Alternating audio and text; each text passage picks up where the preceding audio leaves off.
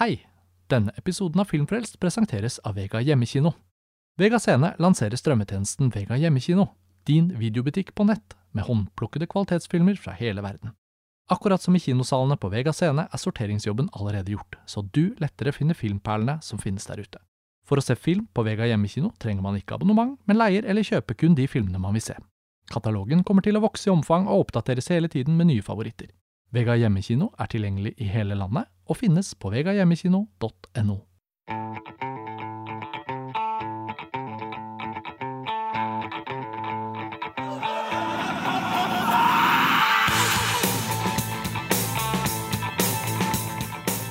Hei og velkommen til en ny episode av Filmfrelst, podkasten fra filmtidsskriftet montasj.no. Mitt navn er Karsten Meinick, og jeg sitter her i dag sammen med Lars Ole Kristiansen. Hei, Lars Ole. Hei, Karsten. Og Mats Halvorsen. Hei, Mats. Hallo. Som de fleste lytterne har lagt merke til idet de trykket på play-knappen, så er dette den tradisjonsrike episoden vi lager i forkant av Oscar-utdelingen hvert år. Våre Oscar-tips. Forslag til hva som bør vinne, og hva som antageligvis kommer til å vinne i hver eneste kategori. Og Mats, du var jo med i denne episoden i fjor sammen med Pernille Middleton. Eh, Lars Ole, da hadde du litt sånn et friår fra denne eh, episoden, men nå er du tilbake. Føles det som et rart år å diskutere Oscar, Lars Ole? Ja, på mange måter så er det jo det. Det er ingenting ved Oscar i år som er som det pleier, men eh, nå har jeg jo etter hvert fått sett en del av filmene som er nominert til mange priser, og i og for seg blitt ganske oppløftet da, av at det er såpass mange solide, gode filmer med, på tross av uh, at det uh, da særlig har blitt produsert vesentlig eh, færre liksom, markante amerikanske filmer enn det ville blitt gjort i et ikke-pandemisk år. Mm. Og Mats, hva er det som da, bortsett fra pandemien selvfølgelig, da, hva er det som er de store, nye, rare endringene som preger årets Oscar-race og, og, utdelingen? Det er ikke kjempemange endringer utover alt det pandemien har medført seg av måten man kan drive kampanjer på, måten disse stjernene har kunnet mingle, måten man kanskje også har sett film, som jeg tror kan påvirke resultatene litt. Men den største endringen sånn strukturelt er kanskje at Oscar Akademi har slått sammen de to lydprisene til én pris. For meg som ikke er kjempeflink på verken lyd eller musikk, veldig deilig. Ja, altså det tar jo til og med vekk en tradisjonsrik eh, tre-fire minutters samtale, Lars Ole. For i årevis så har vi jo egentlig startet denne spesifikke episoden med å si at vi ikke skal forklare enda en gang, og så ende opp med å likevel prøve å forklare enda en gang hva som har vært forskjellen mellom lydklipp og lydmiks. Men som Mats sier, i år er det faktisk for første gang, og det er jo i uoverskuelig fremtid, bare én kategori for lyd. Men Mats, betyr det faktisk at det deles ut én færre Oscar-pris, da? Ja. Ja. Vi har jo da for vane å starte med lydkategoriene, så da blir det jo til at vi liksom i utgangspunktet starter da med lyd, men Nytt av året i fjor, Mats, var jo at du brakte til torgs det faktum at din research går så dypt og grundig til verks at du har faktisk noe å si om kortfilmkategoriene. For eh, som faste lyttere vet, så pleier vi å gjøre et sånn elegant lite hopp over de litt obskure kategoriene hvor vi liksom ikke har følt at vi har vært i stand til å ha ekte meninger, da, fordi det ikke alltid har vært så lett å få sett alle filmene, og det har på en måte ikke strukket til med tiden heller, for å være ærlig, Lars Ole. Det er jo ikke alltid vi har hatt mulighet til å gå så grundig til verks. Men det var jo et lyspunkt i fjor at du kom, Mats, som en stjerne fra himmelen, og delte, delte dine innsikter med oss. Så vi tenkte å gjenta det i år. og vi kommer jo til å få snakket mye om hva som har vært spesielt i år, også mens vi går gjennom kategoriene, så det, det, matcher vel kanskje greit å bare starte, og at du kan få ordet litt sånn i begynnelsen med da kortfilmkategorien. Det er jo tre uh, kategorier som det pleier å være. Mm -hmm. Det er litt uh, morsomt at du sier at det er tiden som gjør at du ikke orket å se kortfilmene. De tar jo betraktelig kortere tid å se, men det skal jeg eh, ikke kommentere ytterligere. Eh, morsomt. Jeg, jeg, må skyte inn da at jeg føler at tiden ikke bare handler om det, tiden det tar å se dem, men tiden det tar å finne ut hvor man skal se dem, anskaffe dem, liksom se Skal jeg se én og én av gangen? Skal man se alle samlet? Jeg husker at tanken slo meg å gjøre det grundig, eh, men på en eller annen måte så bare plutselig kom det tidspunktet hvor vi skulle lage episoden, og så hadde man ikke fått tid. Det var mer enn nok tid som krevdes til å få sett alt det andre. Absolutt. Eh, du har rett i det. Men det er jo litt sånn eh, Favoritthobbyen min, da, dette Oscar-prosjektet. Så det å se de kortfilmene i tillegg, det, det koser jeg meg egentlig eh, bare med. Jeg kan jo kanskje begynne med den kategorien vi har sett færrest filmer i år. Dessverre beste live action-kortfilm. Der har jeg bare sett to av kandidatene. 'Feeling Through' og 'Two Distant Strangers'. Og her tror jeg vel mest på 'Feeling Through'. 'Two Distant Strangers' er en slags timeloop-film om politivold. Og hvis det høres litt rart ut, så er det det. eh, og hvis timingmessig denne George Floyd-rettssaken hadde endt litt før Oscar-avstemmingen var ferdig, snarere enn etter, så hadde kanskje den ligget litt bedre an. Men akkurat nå så kjennes det som at 'Feeling Through', som er en veldig sånn neppe og rolig film om en ung mann som møter en døvstumblind person på gata. Eh, veldig, veldig fin. Eh, jeg hadde klappet fornøyd i hendene om den stakk av med Oscaren, men så lurer jeg også på om The Letter Room kan ha en god sjanse. Der spiller Oscar Isaac hovedrollen, og det er en litt sånn ting som jeg kan se for meg at tiltrekker en Oscar-stemmers oppmerksomhet når de først skal se filmene, for de også har jo dårlig tid, Karsten. Så kanskje det er noe som bikker dem over med at de gidder å se den. Så føler de litt at de må stemme på noe de har sett. Så personlig, av de to jeg har sett, 'Feeling Through', mm, lener kanskje litt mot 'The Letter Room'. Så hvilke filmer er det vi da ikke har nevnt, bare for å ha dem nevnt? Det er da The Present og White Eye, stemmer det? det er, da har vi nevnt alle fem. Mm. Og øh, de ekstra interesserte, særlig i etterkant, når man vet hvilken som vant, vil jo antageligvis kunne klare å spore opp noen av disse filmene, fordi som regel kommer de jo online etter hvert. Ja. Jeg driver ikke med veldig avansert eh, hacking, eller hva man skal kalle det, for å se disse filmene. Jeg benytter meg stort sett av YouTube eller Vimeo, mens eh, en del av årets filmer også er å finne på nett Netflix, faktisk. Så det er bare å lete bitte litt, så finner man en god del. Skal vi da gli elegant over til beste animerte kortfilm, kanskje? Der er eh, de fem nominerte filmene er Burrow, Genius Loki, If Anything Happens I Love You, Opera og Yes People. Her tror jeg at en film som Burrow, som er en Disney-film, kan ha litt fordel nettopp fordi det er en Disney-film. Men den kjennes ikke veldig original verken i historie eller uttrykk, så den kjennes mer som et ganske sånn trygt valg hvis det blir den. If Anything Happens I Love You er en Netflix-film som er litt enklere, men også mer spennende i stilen og tar for seg et mye, mye mer alvorlig tema, nemlig skoleskyting. Det er min favoritt av de tre jeg har sett i denne kategorien, og også den jeg tror kommer til å vinne, både basert på, på kvalitet, men også basert på hva jeg har lest eh, og, og, gjort research på.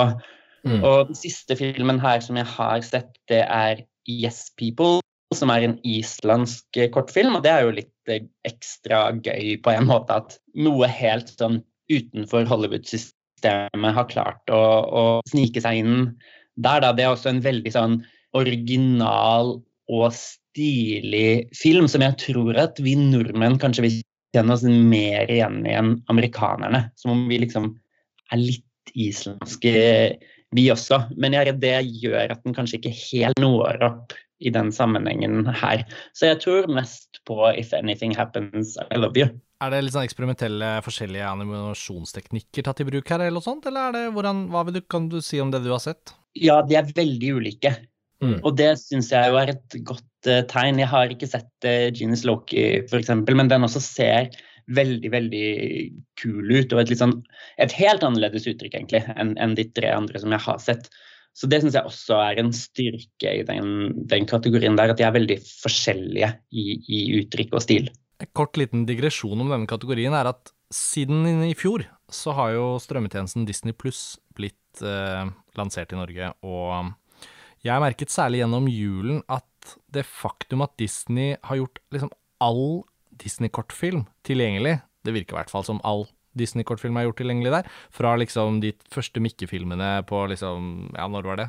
20-30-tallet. Altså altså, virkelig eldgamle eh, animerte kortfilmer, og så helt opp til Pixar-kortfilmene som vi alltid har sett før en langfilm, ikke sant. Og det at alle de er tilgjengelige plutselig, bare sånn ett klikk unna, har jo gjort at jeg har jo ofte sett, satt på noen av de kortfilmene for barna her hjemme, og det har vært ganske gøy å oppdage eh, noen av de jeg ikke hadde sett, men også fått sånn gjensyn og, og og den Burrow som du nevnte, den, vet du om den allerede er ute og mulig å se på Disney Pluss og sånn, eller er den eh, Det er den.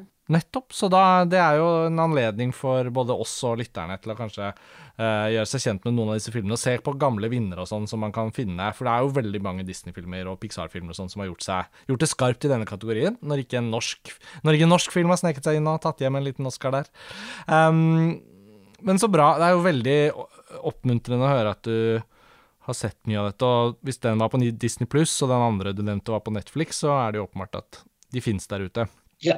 Siste kategorien er jo da det stolte norske øyeblikket i 2021-Oscar-sammenheng. Eh, kortdokumentaren Do Not Split, regissert av Anders Hammer. Eh, ikke bare produsert av norske involverte og sånn, og den utspiller seg jo i Hongkong, men den går jo for en norsk Oscar-nominert, da. Den er i denne kategorien, sammen med fire andre filmer, som heter Colette, A Concerto Is A Conversation, Hunger Ward og A Love Song for Latasha. Så hvor mange av disse har du sett da, Mats? Alle sammen. Ok, så ta oss gjennom eh, filmene og, og dine spådommer. Colette er en slags holocaust-dokumentar som ser tilbake At den følger en gammel dame som på en måte følger i sin brors fotspor. Veldig rørende, men også kanskje litt traust. Og det kjennes ikke som noe sånn nytt og friskt. Det er kanskje ikke nytt og friskt man vil forbinde med holocaust, men det er liksom et eller annet Adorno etterlyser noe mer nytt og friskt om eh, holocaust. Det kjennes liksom litt som at dette har vi sett før, sånn at jeg blir litt overrasket hvis man tenker at sånn Å, dette var det beste. Hunger Ward tar for seg hvordan krig og elendighet også fører til sult, og her er et sånn grusom skildring av de tynneste små barna man har sett i hele sitt liv, eh, og er sånn sett veldig, veldig vond, men kanskje til og med så vond at noen vil skru den av, rett og slett, fordi den, den er så grusom. A Love Song for Latasha, en, en fin kortdokumentar som handler om en ung svart jente som blir skutt i en krangel om en juspakke, og det er et veldig sånn bilde av mange problematiske ting i USA. Den er kanskje litt upersonlig, syns jeg, i den grad at mye av det er bare voiceover, og man filmer litt sånn generiske bilder, men historien er såpass sterk at den allikevel er, er en god, god film. Uh, a Concerto is a Conversation er en kjempe sånn nydelig liten greie om musikk og hva musikk kan bety. Og den er regissert av en Emmy-minert komponist. Og jeg har litt trua på den, både fordi at han har liksom litt kontakter, men også fordi at den er, den er så fin, på en måte. Som en litt sånn varm klem i, i denne litt sånn dystre lineupen av eh, dokumentarer. Og nå har jeg bevisst liksom spart det norske alibiet til slutt, mm. som du jo sa handler om, om Hongkong-opprøret. og er en, den, den, mest sånn brutale, actionfylte dokumentaren, og som kjennes veldig sånn ekte. Veldig in mm. your face. Og som jeg egentlig ikke hadde blitt overrasket eh, over om vant. Den har jo også fått ganske mye oppmerksomhet fordi at nå skal de boikotte Oscar-delingen i Hongkong. og det at den har vært nominert, har liksom skapt litt kontrovers, men den er jo også veldig veldig solid og, og nesten en thriller i uttrykket. Så jeg syns egentlig det er et ganske godt lineup, mm. men lener litt mot liksom den koselige i et ganske brutalt eh, lineup. Det var en veldig grundig og fin gjennomgang, Mats. Jeg, jeg syns jo alltid, hvis man får litt sånn researchhjelp av noen, og i dette tilfellet, og i fjor var det jo deg, så føler jeg at eh, å se de kategoriene bli delt ut, er jo faktisk også litt morsommere. Og I en ellers ganske lang TV-sending midt på natten, så er det ålreit at noen av de kategoriene som man kanskje ikke kan så mye om selv, ikke føles så blanke da når de endelig kommer. Så tusen takk for den gjennomgangen. Og Lars Ole, vi har jo noen dager på oss frem til utdelingen. Vi tar opp nå torsdag kveld, og podkasten kommer jo ut nå i morgen fredag. Og så er det jo da noen dager igjen til utdelingen. Så, så også for lytterne er det jo mulig å høre denne episoden og prøve å få sette seg opp enda litt mer da, før selve utdelingen. Men nå beveger vi oss over i en kategori hvor også du og jeg kan komme noen meninger. For da er vi omsider i gang, sånn på ordentlig, for vår del. Beste lyd. Um, er du litt nostalgisk nå, eller for at ikke det blir beste lydklipp og beste lydmiks og Ja, på en måte. Uh, men uh, det går helt fint med, med pris for beste lyd uh, også. Og for de aller fleste så vil det være litt sånn enklere å forholde seg til som, som utmerkelse. Og jeg har vel ikke nødvendigvis så uh, sterke preferanser uh, her uh, i, i, år. Altså, jeg tror jo Sound of Metal kommer til å vinne. Men det er jo da en av årets Oscar-favoritter som jeg ennå ikke har rukket å se. Mm. Så jeg kan jo ikke uttale meg om hvorvidt det er fortjent eller ikke. Men ut ifra de jeg har sett, så ville jo min favoritt vært Mank, fordi jeg syns det var et innmari modig eksperiment å mikse den filmen i mono, og det var mer vellykket enn jeg Altså mer kunstnerisk vellykket enn jeg hadde forestilt meg. Det, det foregikk en tidsreise i, eh, i lyddesignet som ga filmen en atmosfære som ja, som, var, som, er helt spesielt. Så det er, eh, det er min favoritt. Ja, og i tillegg til de to, så er jo da Pixar-filmen Sjel nominert her. Og jeg tenker at animasjonsfilmer alltid har noe å fare med i denne kategorien fordi vi vet at lydbildet i sin helhet er bygget opp fra på en måte ingenting. da.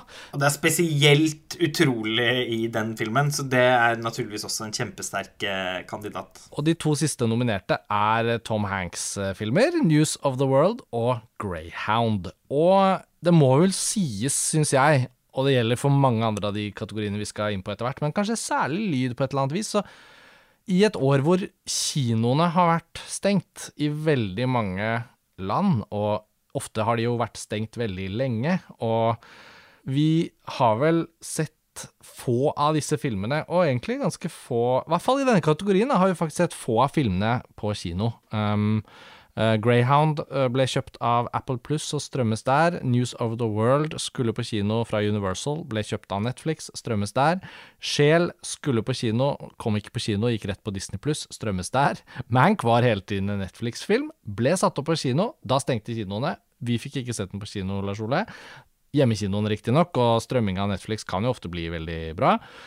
Og jeg, heldigvis da, fikk muligheten til å se Sound of Metal på kino. Eh, Fredrikstad kino har vært veldig sjenerøse med sånne eh, luksuspressevisninger, får vi si, Lars Ole, til oss to som bor her i Østfold, av Oscar-filmer. Også på tross av at kinoen er stengt, så er det jo da ikke et åpent arrangement når du og jeg nærmest hver for oss som 100 meters avstand tusler inn i kinosalene der for å se film. Så det kommer jo til å gå igjen i episoden at vi har heldigvis fått sett en del av de sentrale Oscar-filmene i kinosal, og det um, er kanskje mer naturlig å komme tilbake til etter hvert. Men jeg vil i hvert fall si at Sound of Metal, som også handler veldig mye om lyd Hovedpersonen uh, opplever å miste hørselen, om å for, forsone seg med det.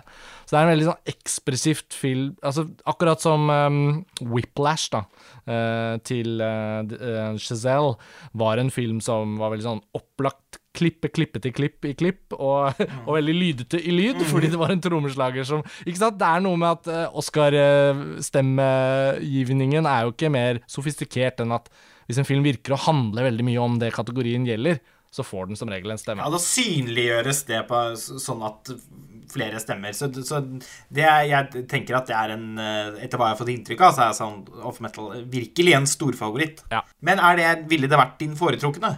Ja, jeg tror faktisk eh, Jeg har ikke sett Greyhound, og jeg er enig med deg om Mank, men jeg må innrømme at liksom, det matcher opp veldig bra for Sound of Metal sin del. Og en annen ting som vi allerede kan nevne her, er jo at alle de megablockbusterne som skulle gå på kino under pandemien, har jo ikke blitt flytta til en strømmetjeneste som regel. De har blitt utsatt. Så dette er jo også et år uten på en måte blockbuster-filmene i denne kategorien. At det ikke er liksom store, svære um, blockbustere av Transformers eller uh, Marvel-filmer eller Star Wars-filmer eller noe av det, da. Eller Tenet. Ja, jo, Tenet, og den burde jo vært der, men den virker jo Det kan vi jo Den var jo så kontroversiell i lydmiljøene, ikke minst for de amerikanerne som ikke så filmen med tekst. De, ja, de klarte Ja, visstnok ja, ja. ikke å få med seg hva de sa. Nei, men jeg tenker Tenet må bli et tema vi tar litt senere i episoden, for den er jo filmen som was rubbed this year i så mange kategorier. Men uh, før vi beveger oss videre, Mats, du må jo få kime inn litt, du òg. hva tror du vinner, og hva håper du vinner? Nei, jeg er veldig enig med, med egentlig deres eh, resonnementer. Jeg har sittet her og nikket anerkjennende. Jeg tror det blir Sound of Metal, og det skjønner jeg veldig godt av alle de grunnene dere snakket om. At den, den handler på en måte om lyd. Og jeg syns også den gjør det på en veldig god måte. Den bruker lyden veldig aktivt i historiefortellingen. Hmm. Det tror jeg man vil sette pris på og tenke over når man skal stemme i, i den kategorien. 'News of the World' er en film som er, liksom, er sånn null erindring av hva lydbildet gjør. Hei, jeg er enig. Men ja, bra. Altså, skal vi, hvis du var ganske enig, Mats, skal vi jo da hoppe videre til neste kategori. Ja. Uh, og fra lyd er det jo vanlig å gå til beste originalsang. Um, her er de nominerte sangen Fight for You fra Judas and the Black Messiah. Sangen Hear My Voice fra The Trial of Chicago 7. Sangen Husavik fra Eurovision Song Contest The Story of Fire Saga. Sangen EOC fra The Life Ahead.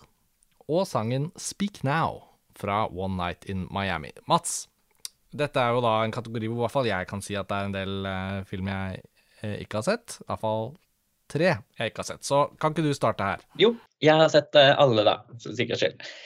Det er jo et litt sånn uvant år, eh, kjennes det nesten som, fordi at det har vært en del år nå hvor det har vært en slags sånn ekte hit i denne kategorien. Altså, tenk Lady Gaga og Bradley Cooper som synger 'Shallow', liksom.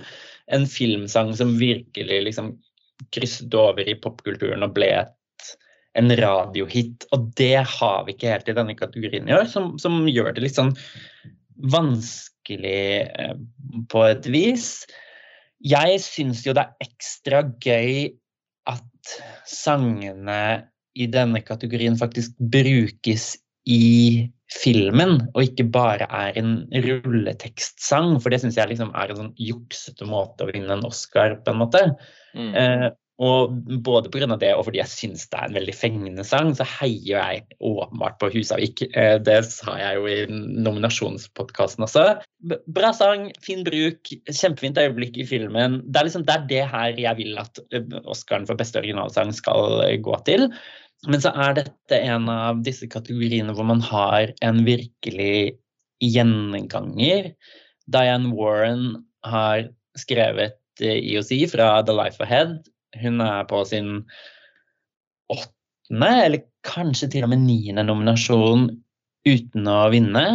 Og hun har, eh, så vidt jeg har forstått, drevet en skikkelig kampanje, i den grad det er mulig i et pandemiår.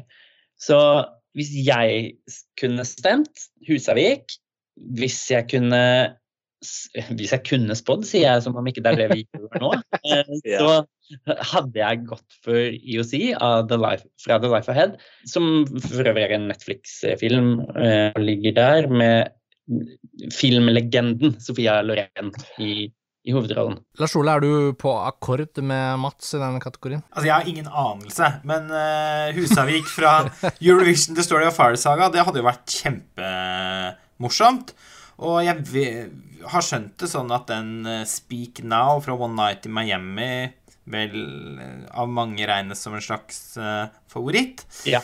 For øvrig syns jeg det er en stor sorg at ikke, Phoenix sin Identical fra On The Rocks ikke er nominert, for det er jo faktisk en, altså en virkelig eh, Det er jo en låt for, altså for Som musikkinteresserte kan ha glede av å høre på. Men ja, altså, den, har, den, har, jeg hørt masse på. Ja, helt fantastisk. Eh, så, men, så, dette er jo uansett en kategori man ikke bør ta altfor seriøst. Men eh, heier på Husavik, eh, men tror nok da kanskje at en Speak Now blir vinneren. Jeg heier på Husavik fordi dere gjør det. Dette er en kategori hvor jeg virkelig ikke har noen meninger. Um, og jeg tipper nok også at den uh, IOC da kanskje gjør det skarpt. Jeg har sett at hun Diane Warren har vært veldig mye i sosiale medier, og sånn, så kanskje det har hjulpet henne litt. Og folk liker å se en sånn uh, legende komme opp og få en Oscar. Vi får se. Men da, da switcher jeg. Jeg ønsker jo å gjøre det så bra som mulig i gjettekonkurransen. ja. for her var min research for dårlig. Jeg glemmer jo at du har lyst til å vinne denne konkurransen, du. Ja, så jeg, da bytter jeg til at jeg også tror på den IOC. Ok, det er notert. La oss hoppe videre uh, til beste kostymedesign. Da er de fem nominerte filmene følgende Emma, Ma Rainey's Black Bottom, Mulan, Pinocchio og Mank. Lars Ole, ja. beste kostymedesign. Ja. Hvis det blir uh, Ma Black Bottom, så legger jeg hodet mitt inni peisen og lar det smelte der inne. Å oh, nei, du kommer til å smelte hodet ditt. For jeg er klar over, stygt klar over at den er favoritt, så det kan jo hende kvelden eller Oscar-natta ikke blir så lang da, for mitt vedkommende. Og at dette er, blir en slags avskjed for, for, min del. Men uh, Nei, altså, det er jo selvfølgelig Mank, Mank, Mank, Mank, Mank, Mank, Mank uh, all the way for min del i denne kategorien.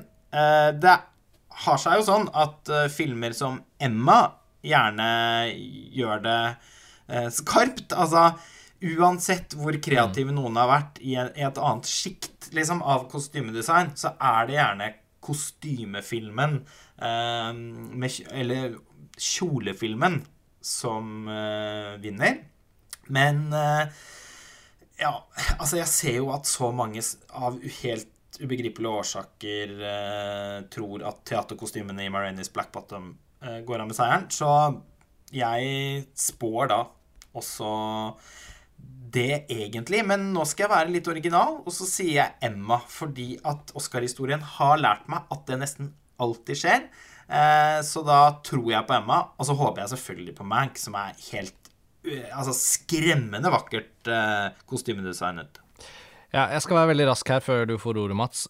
Jeg hadde ikke fått med meg bussen på Ma Rainey's Black Bottom når det kom til denne kategorien, så jeg hadde jo bare tatt for gitt at Emma er den store favoritten. Og det er også en film jeg har sett, og jeg tenkte aktivt på at det var litt sånn friskt gode Jane Austen-kostymer, liksom. Jeg husker jeg tenkte sånn Oi, det var liksom faktisk sånn at jeg la merke til dem. Så det er den jeg tror vinner. Um, nå ble jeg litt i tvil siden du sa Ma Rainey's Black Bottom er favoritten, men OK. Jeg har selvfølgelig også sett Mank, og jeg syns jo også at det er ikke bare fordi man syns noe om den filmen, at man kan si at kostymene er bra, for det er faktisk eh, det er også en kunst å klare å lage særegne, liksom artikulerte kostymer når man jobber i svart-hvitt. Det er en egen kunst, og det tenker jeg den filmen skulle fått litt mer cred for. Altså, Kostymene i den filmen er jo så bra at det er helt uh, Altså, det eksisterer jo en egen artikkel om kostymen i Mank på montasje, signert Ida Holme Nilsen, som jeg anbefaler alle å lese. Alle må lese den. Så det er min personlige favoritt. Men Mats, eh, er det noe annet vi ikke har fått sagt nå i forhold til oddsene, og, og hva, hva, For du har vel sett enda noen flere filmer enn oss, og hva tror du? Eh, nei, det er godt dekket, det. Altså, jeg, jeg tror dessverre at Ma Is Black Bottom er favoritten.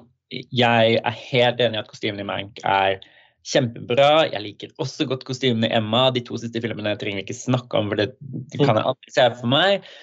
Men jeg syns også det Lars Ole sier om at vanligvis er det den og den type filmer som vinner, er et veldig interessant eh, innlegg. fordi nå vant jo Black Panther f.eks. beste kostyme design for et par år siden. Og det synes jeg også var liksom sånn Det var helt unntaksmessig. Og det var bare fordi det var så viktig å gi den filmen så mye som mulig. Ja, absolutt. Men jeg syns allikevel det er litt deilig at noe sånt vinner, heller enn liksom den syvende kjolefilmen på rad. Ja, men det var det jo. Altså, kostymene syns jeg var det beste med hele Black Panther. Så det var virkelig en fortjent uh, kostymedesignpris. Men, øh, men, men ja, det ville, jeg, jeg tenker at det ville ikke skjedd hvis det ikke var sånn at den filmen eh, hadde en sosiokulturell betydning som gjorde at, at den skulle få noen priser. Eh, fordi uansett hvor kule og originale noen sånne type designer har vært andre år, så har stort sett alltid kjolefilmen vunnet. Ikke absolutt alltid, men veldig, veldig ofte. Og jeg savner litt at de, de drister seg inn på liksom mer moderne filmer i denne kategorien. Det er liksom alltid kostymedrama eller periodefilm eller et eller annet sånt. Tenk på kostymer i Blade Runner 2049, liksom. Hvor bra var ikke det? Eller fra i år, bare kostymene i Promising Young Woman. Det finnes så mye fett i kostymedesign fra helt moderne filmer som de bare er bare sånn Det er som om de bare trekker på skuldrene og tenker sånn Nei, men disse har du bare kjøpt. Du har ikke sydd dem. Og så blir jeg sånn åh, ikke, Alt kostymedesign må ikke være sydd for hånd med fingerbøll og blødende tomler, liksom. Og det, for alt jeg vet, så har sydd alle kostymene i Young Woman sjæl også. Jeg skal ikke si det. men jeg ønsker meg liksom noe litt friskt inni det her. Så da er det jo litt ironisk at jeg på en måte heier på kostymedramaet Emma, da. Det er liksom en, en, av mine faste frustrasjoner, dette her, Mats. Det er deilig at vi nå er to som kan være engasjert i at kostymeprisen eh, er nødt til å våkne opp etter å ha ligget i tornerosesøvn i 100 år. Oscaren for beste kostyme tar oss som regel elegant over i Oscaren for beste sminke og hår. Og eh, jeg kan lese opp de fem nominerte i den kategorien. Det er, og her er det noen kjenninger fra forrige kategori, Emma, Hillbilly Elegy, Ma Rainey's Black Bottom, Mank og Pinocchio. Jeg må skyte inn en liten disclaimer her, fordi vanligvis tror jeg ikke ville gått for en sånn veldig amerikansk uttale av den tittelen, Ma Rainey's Black Bottom, men jeg klarer ikke å si Ma Rainey's Black Bottom. Så jeg, det føles ikke helt som meg å si det sånn bæram, men det, det, blir det i denne episoden, så er dere advart. Det uh, er det selvfølgelig ingen som tenker på, bortsett fra meg, men jeg måtte si det. Uh, Lars Ole, mm. beste sminke og hår, det er en sånn kategori som jeg alltid syns er litt sånn ubestemt. Den er ikke like sånn tungt periodeorientert som kostymedesign alltid, men den er ofte Der kan det jo ofte være noen sånne rare innfall, og tidvis er det jo ofte veldig få nominerte. Jeg husker dette som en kategori hvor du tenker å, så mange filmer som kan være nominert, og så kommer nominasjonen, så er det sånn tre filmer eller et eller annet. Men i år er det fem. Og så er det gjerne de, den duoen fra Sverige som gjør det skarpt. Ja, den hundreåringen som gikk ut av et vindu, eller hva den filmen het. Ja, og så Grensen, og så denne En mann ved navn Ove Aavel. Ja, sånn var det, ja. Om jeg ikke tar helt feil. Ja. Eh, altså, mitt engasjement eh, for denne kategorien er ikke like brennende som for eh, kostymene. Ehm, jeg ville nok kanskje synes det var morsomst om Hillbilly Elegy vant her, ja, med tanke på eh, Glenn Close sin look i den filmen. For øvrig syns jeg også det hadde vært veldig morsomt om prisen for beste hår gikk til et faktisk hår. og kanskje også var en slags ærespris. Glenn Close, du har vært et forbilde for kortklipte i en årrekke. Nå skal du tildeles Oscar-prisen for beste hår, som deles ut av Olivia Colman. Uh, I alle fall uh, et etter at hun uh, tok vekk det skremmende nudelhåret fra Fatal Attraction. Og uh, til vanlig syns jeg jo Glenn Close er innmari stilig. Uh, det er hun ikke i Hillbilly Elegy. Og, men altså, det, jeg troller nå. Altså, det er Mank som er min favoritt her også. Men eh, jeg tror nok at det blir Marainis Black Bottom som stikker av med prisen. Dessverre. Mats, hva sier du? Ja, jeg er enig. Det blir Maraini her òg. Og jeg, jeg, vet ikke Jeg støtter sminke- og hårpris mer enn jeg støtter kostymedesign. Fordi det er i hvert fall det, det kjennes litt mer som et arbeid på et eller annet vis. Og det er jo også det første, første gang i historien at en svart person, og ikke bare én, men to, er nominert for sminke og hår. Og bare det kjennes jo som en sånn Det var på tide. Men du mener det er mer arbeid med sminke og hår enn med kostymer? Nei, men det kjennes som det har vært lagt mer arbeid i det i den filmen enn Å, kostymene. Ja, unnskyld. Nettopp. Ja, nå begynte jeg å lure. Ja, nei, nei. Jeg husker at eh, Viola Davis har på seg en blå fløyelskjole, liksom. Men si meg et annet kostyme fra den filmen, men jeg husker jo at hun drasser rundt og er svett og feit og Ja, det er veldig mye svette, og det er sånn grills på tennene, og det er noen ting der som som håndverks... Og noen sånne rødmussetete, sånn som rent håndverksmessig selvfølgelig at det ikke er noe galt med. Det er det jeg, det jeg mener, absolutt. Eh, ikke til forkleinelse for noen kostymedesignere der ute. Jeg kjenner et par, og det er hardt arbeid. Men akkurat på den filmen, akkurat på de to kategoriene, ser mer prisen for sminke og hår, rett og slett. Og jeg tror det blir det. Hvis ikke Pinocchio overrasker, da, av en eller annen grunn. Men jeg, det er jo en sånn film som jeg kan se for meg at man ikke har giddet å se, hvis man sitter der hjemme på Hollywood-sofaen sin og skal se Oscar-kandidatene. Alle Roberto Benigni-fansene som stemte ham frem for livet er herlig. Var det den norske tittel? Ja. Ja, den holocaust-komedien. De kommer kanskje ut av hulen igjen nå. Å, Benigni!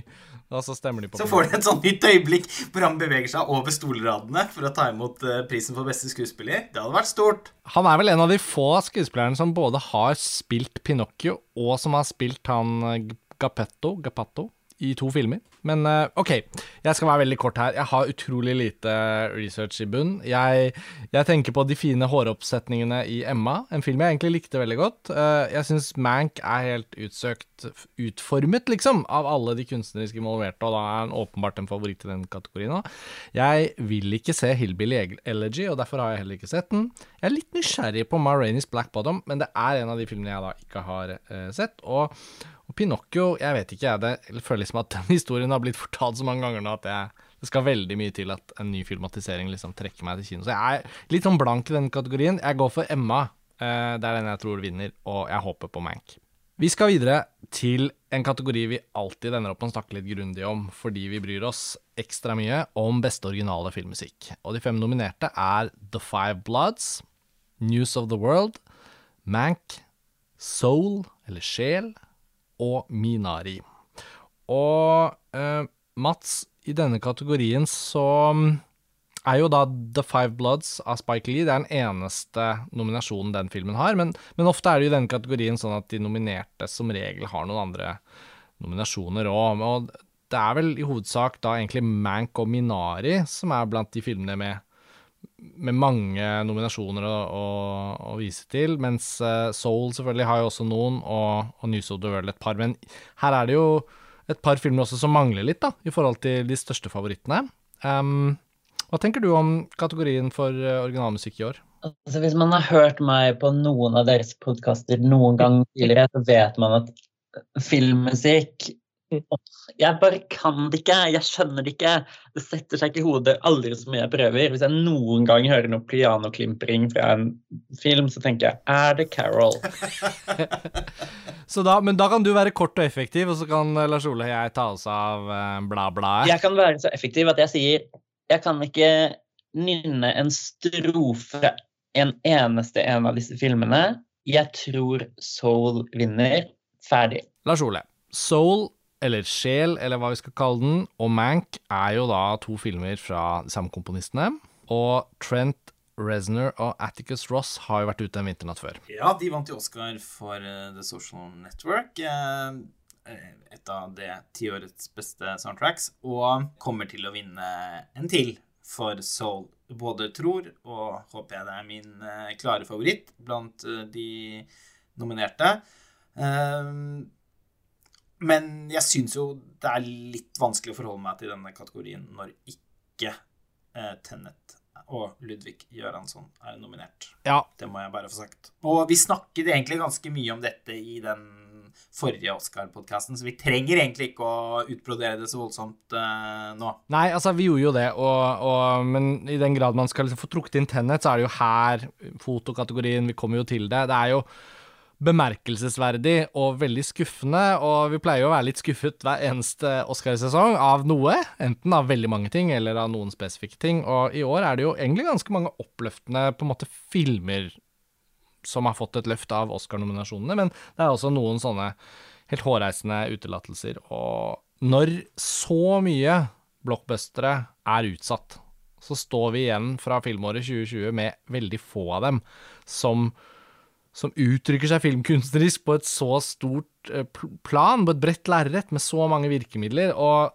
når Christopher Nolans Tenet er den filmen den er, som vi vet at den er, og som vi har snakket mye om, skrevet mye om, publisert ting om på montasje, og den har fått synke inn, og så så er den likevel så fraværende. Og vi har jo spekulert litt i at det at amerikanerne, da, så mange medlemmer av akademiet, ikke har hatt mulighet til å se den på kino Amerikanske kinoer har jo vært stengt i så mange måneder av pandemien at uh, veldig få antageligvis har hatt mulighet til å se den på kino. Og så kom den jo til slutt ut på hjemmevideo før jul, og nå som Akademia holdt på, så har den jo ikke liksom vært oppe i samtale. Og den er jo knapt nominert, og vi har jo ikke vært de største fans av Ludvig Göransson fra hans, hva skal vi si, Ryan Coogler-filmene hans.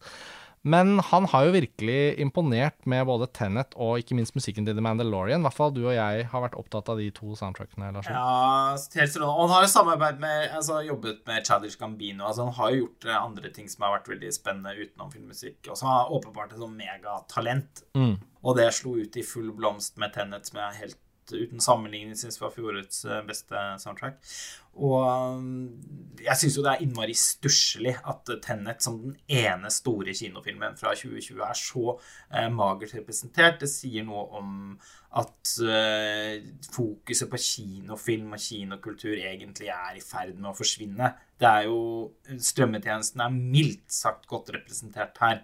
Eh, og det er jo ikke så rart med tanke på at det er et annerledes år, men det føles veldig sårt, nesten, syns jeg, at uh, Nolan, som også er en av de viktigste frontfigurene for, uh, for kinokultur, for å skyte på analog film, uh, som har vært i en konflikt med Warner Bros. og HBO, med, med en, en, en, oppfatning jeg tenker at så å si alle som jobber med film, burde være enig i. At han har så få supportere, tross alt, det syns jeg er overraskende. Når det er sagt, så har jo Nolan alltid blitt undervurdert i Oscar-sammenheng. Man skal aldri glemme at han fikk sin første og så langt eneste Oscar-nominasjon for regi for Dunkerque, hans mest liksom, opplagte eh, Oscar-film. Eh, In mm, Inception, mm. som vant fire Oscar-priser, var ikke nominert eh, for regi, utrolig nok. Så de er ikke så glad i han som man tenker at Som man liksom tenker at altså Interstellar òg, eksempel, fikk jo en ytterst stemoderlig behandling. Mm. Lars Ole, du kan ikke være så sur. Det er klart de måtte gi Tom Hooper en Oscar. Ja, altså, altså, det året der hvor eh, Altså året da både Darren Aronofsky og Christopher Nolan og på en måte Davy Fincher òg, hvis vi glemmer Seven litt, lagde sine beste filmer. Filmer de kanskje aldri kommer til å toppe. Mm. Ja, det tåler ikke dagens lys å nevne at Black Swan, The Social Network og Inception sto der, og så var det Kongens tale som så var det liksom regissøren av Cats som tok med seg Altså, det er bare Men nå kommer vi jo inn på uh, den Altså, det som egentlig er den viktigste samtalen hvert år, at Oscar er en tullepris. Ja. Og at det er ytterst sjelden at de treffer, og at man bare må glede seg over hver eneste nattsvermeren og, og i hvert fall hvis vi tenker fra de siste 30-40 årene. Så selvfølgelig, det fins noen uh, Annie Halls og noen nattsvermere og noen No Parasitt. Country for Old Men og Parasitt, selvfølgelig, fra i fjor. Det var jo helt Det var et mirakel. Ja. Men stort sett så blir det bar rumpe på tallerkenen år etter år etter år. Og det er jo noe av det som gjør det gøy å la seg engasjere i. For man vet at man kommer til å bli eh, så opprørt av så mange ting. Men fordi man er vaksinert med Oscar-historien, så er det på en måte litt en del av greia. Og så blir det sånn at når, når det lykkes, når det klaffer, så blir man helt sånn Det er som om man har vunnet i Lotto, og det føles helt fantastisk. Og man blir rørt og glad på, på de man har heiet på sine vegne. Eh, så sånn er det. Men det er jo ikke en seriøs filmpris, sånn som Gullpalmen i Cannes er. Det må man jo bare få understreket. Det er mitt viktigste argument når jeg noen gang nevner Oscar, og jeg har sagt det senest i, i dag, at man kan jo ikke gå inn i Oscar-delingen og forvente at det faktisk kvalitativt beste skal vinne. Fordi det er sikkert ikke nominert engang. Det lages så sinnssykt mye film, og så sitter man igjen med et liksom ytterst lite utvalg av engelskspråklig film og tror at det er det beste i alle disse kategoriene er sluttull. Det finnes sikkert en eller annen rumensk film som er helt insane produksjonsdesign, som vi bare aldri har sett eller aldri får høre om. Malm, Malmkrog? oi, oi, oi, den Kristi Poe-filmen som du av åndssvake årsaker eh, så i Berlin sykt tidlig om morgenen. Ja. Jeg husker vi begge i utgangspunktet var bakfulle. At du evnet å røske deg opp av senga eh, og, sette deg eh, på, eh, på T-banen for å se den fire, fem, seks timer lange Malmkrog. Ja, og Malmkrog eh, var jo faktisk eh, en film jeg fikk snakke litt om i en episode fra Berlinalen som du også var med på, Mats, i fjor, så det var ikke en helt obskur referanse at du trakk inn en rumensk film med bra produksjonsdesign, for det, om den skal ha noe, så var det jo faktisk bra produksjonsdesign. Filmen er jo på Mubi nå, og jeg har faktisk veldig lyst til å se den, fordi nå jeg har tullet så mye med den, og det er jo litt for Eh, for at det er gøy å tulle også. Ja. Men uh, altså det, det, det, du var inne på nå, Mats, er jo en annen på en måte viktig diskusjon. Og det er jo uh, om man skal tenke på Oscar som en amerikansk filmpris eller som en internasjonal filmpris. Og for meg så har den alltid vært en amerikansk uh, filmpris. Ja. Simpelthen fordi det er så innmari få ikke-engelskspråklige, i det minste, filmer som har kommet gjennom nåløyet i de tunge kategoriene. Mm. Så Opp gjennom Oscar-historien så er det noen ytterst få, som Wisting har rop, Tingmar Bergman f.eks. Uh, og uh, Amour til Michael Haneke osv. Og, og de har jo da stort sett aldri vunnet. Men det som skjedde med Parasitt i fjor, det staker jo på en måte ut en ny kurs for uh, Oscar-prisen. Og nå er den jo på en måte da sakte, men sikkert i ferd med å bli en internasjonal pris, der, hvor, der man kan forvente at filmer fra hele verden i større grad er representert enn før. Og det er jo kjempespennende at den endringen inntreffer. For å avslutte praten om beste originale filmmusikk, så kimer jeg bare inn med at jeg også tror at Soul vinner, og det er veldig mye fin musikk i den filmen, og den handler jo om en musiker. Så det, apropos det der med en sånn bokstavelig lesning av kategorien, så tror jeg også det kommer til å telle, telle, veie tungt her. Jeg vil skyte inn at det lille, veldig melodiske, varmhjertede lille soundtracket til Minari, som har blitt nominert, har jeg hørt en del på, og det er veldig fint. Det er veldig sånn øh, hjemmekontorvennlig. Altså, det kan bare surre og gå i bakgrunnen, og det gjør kanskje ikke så mye ut av seg, men det var litt sånn rørende å se at av alle ting så var det akkurat det lille soundtracket øh, skjøt igjennom her. Og av filmer som jeg virkelig har satt pris på, og også hørt på musikken til, som absolutt ikke er nominert, men som på en måte i praksis kunne ha vært nominert, så vil jeg jo trekke fram at både First Cow til Kelly Reichardt og uh, uh, Never Really Sometimes Always av Eliza Hitman.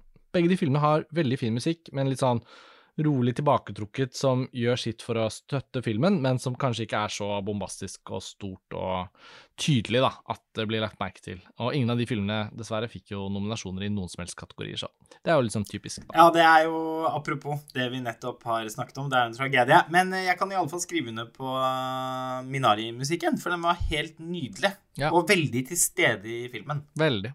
Lars Ola, har du lyst til å plukke opp tråden og ta oss videre over i neste kategori, eller å lese opp nominasjonen og ja, det er da kategorien for beste visuelle effekter. Og de nominerte her er Mulan, Love and Monsters, Tenet, The Midnight Sky og The One and Only Ivan. Mm. Og her eh, både håper og tror jeg at Tenet vinner. Her håper og tror jeg også at Tenet vinner, og det er den eneste av disse fem filmene jeg har sett.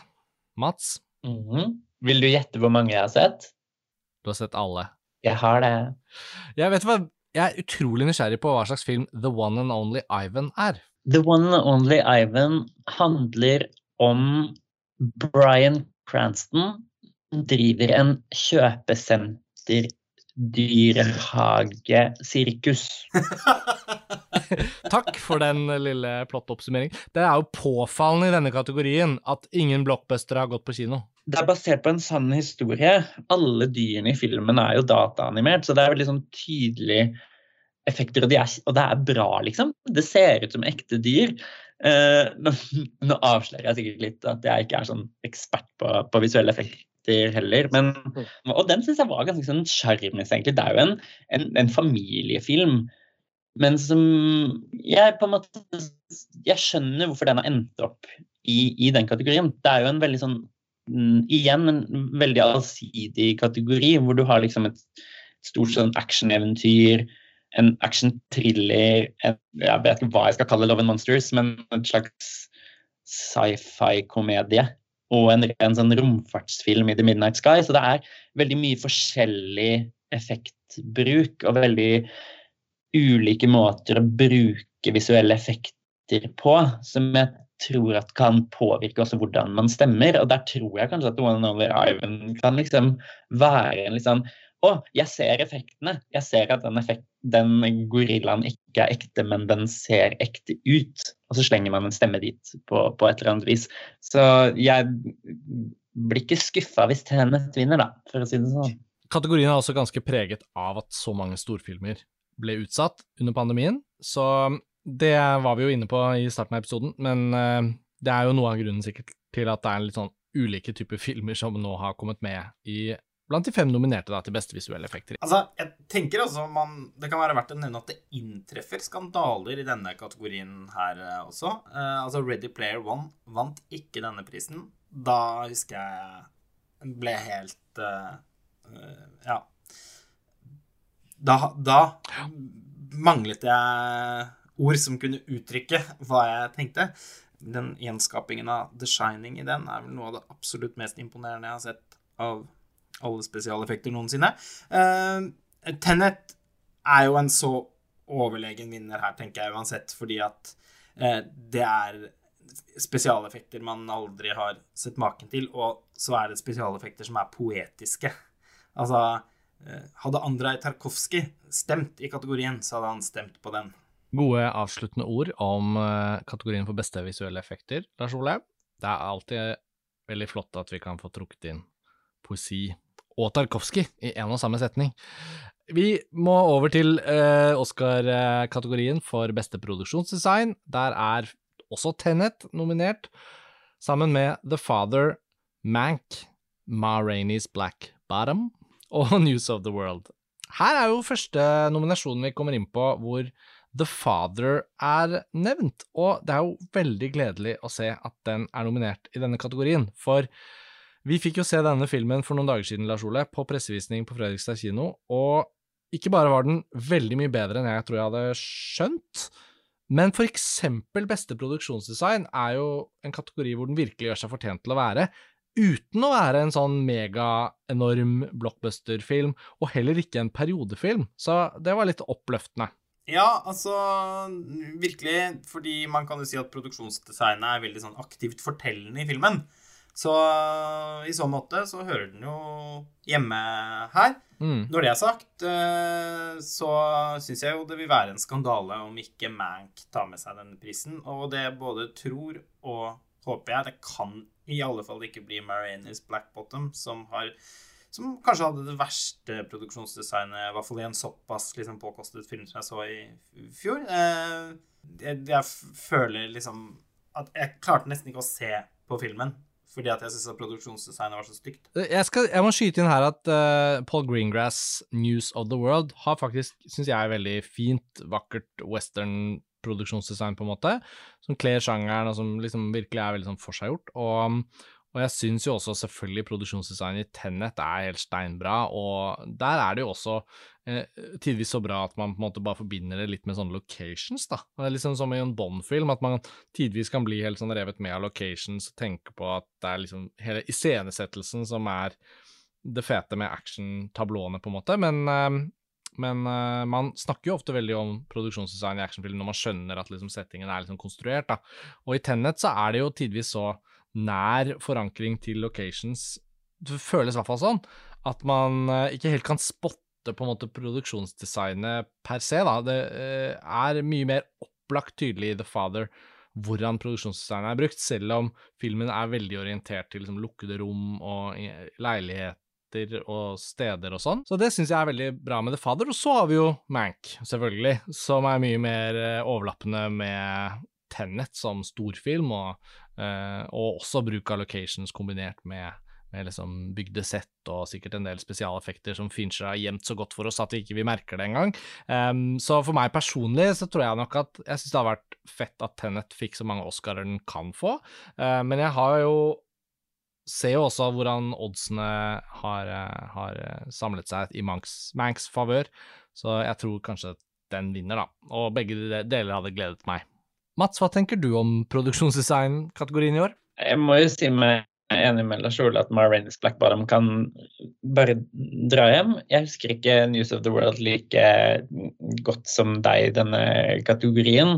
Eh, jeg tror nok at Mank kommer til å vinne, og så slipper den å bli enda en av de filmene med ti nominasjoner og null priser. Hadde ikke klagd over en Tennet-seier heller. Og på The Father så tenkte jeg faktisk litt på Jørgen Stangeby Larsen sitt produksjonsdesign i håp. Og det er kanskje litt sånn enkelt at det er sånn leilighet, leilighet.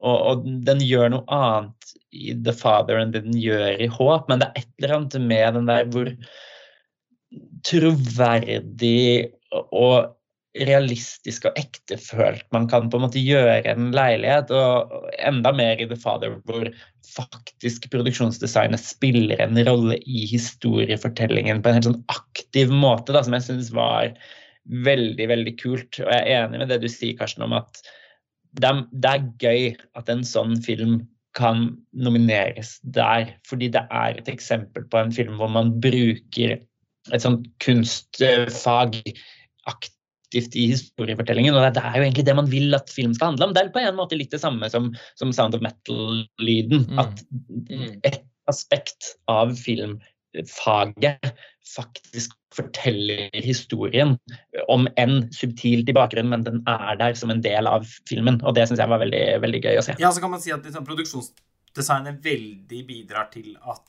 filmens utgangspunkt i nettopp en teaterscene blir filmatisk. Det er jo det man ja.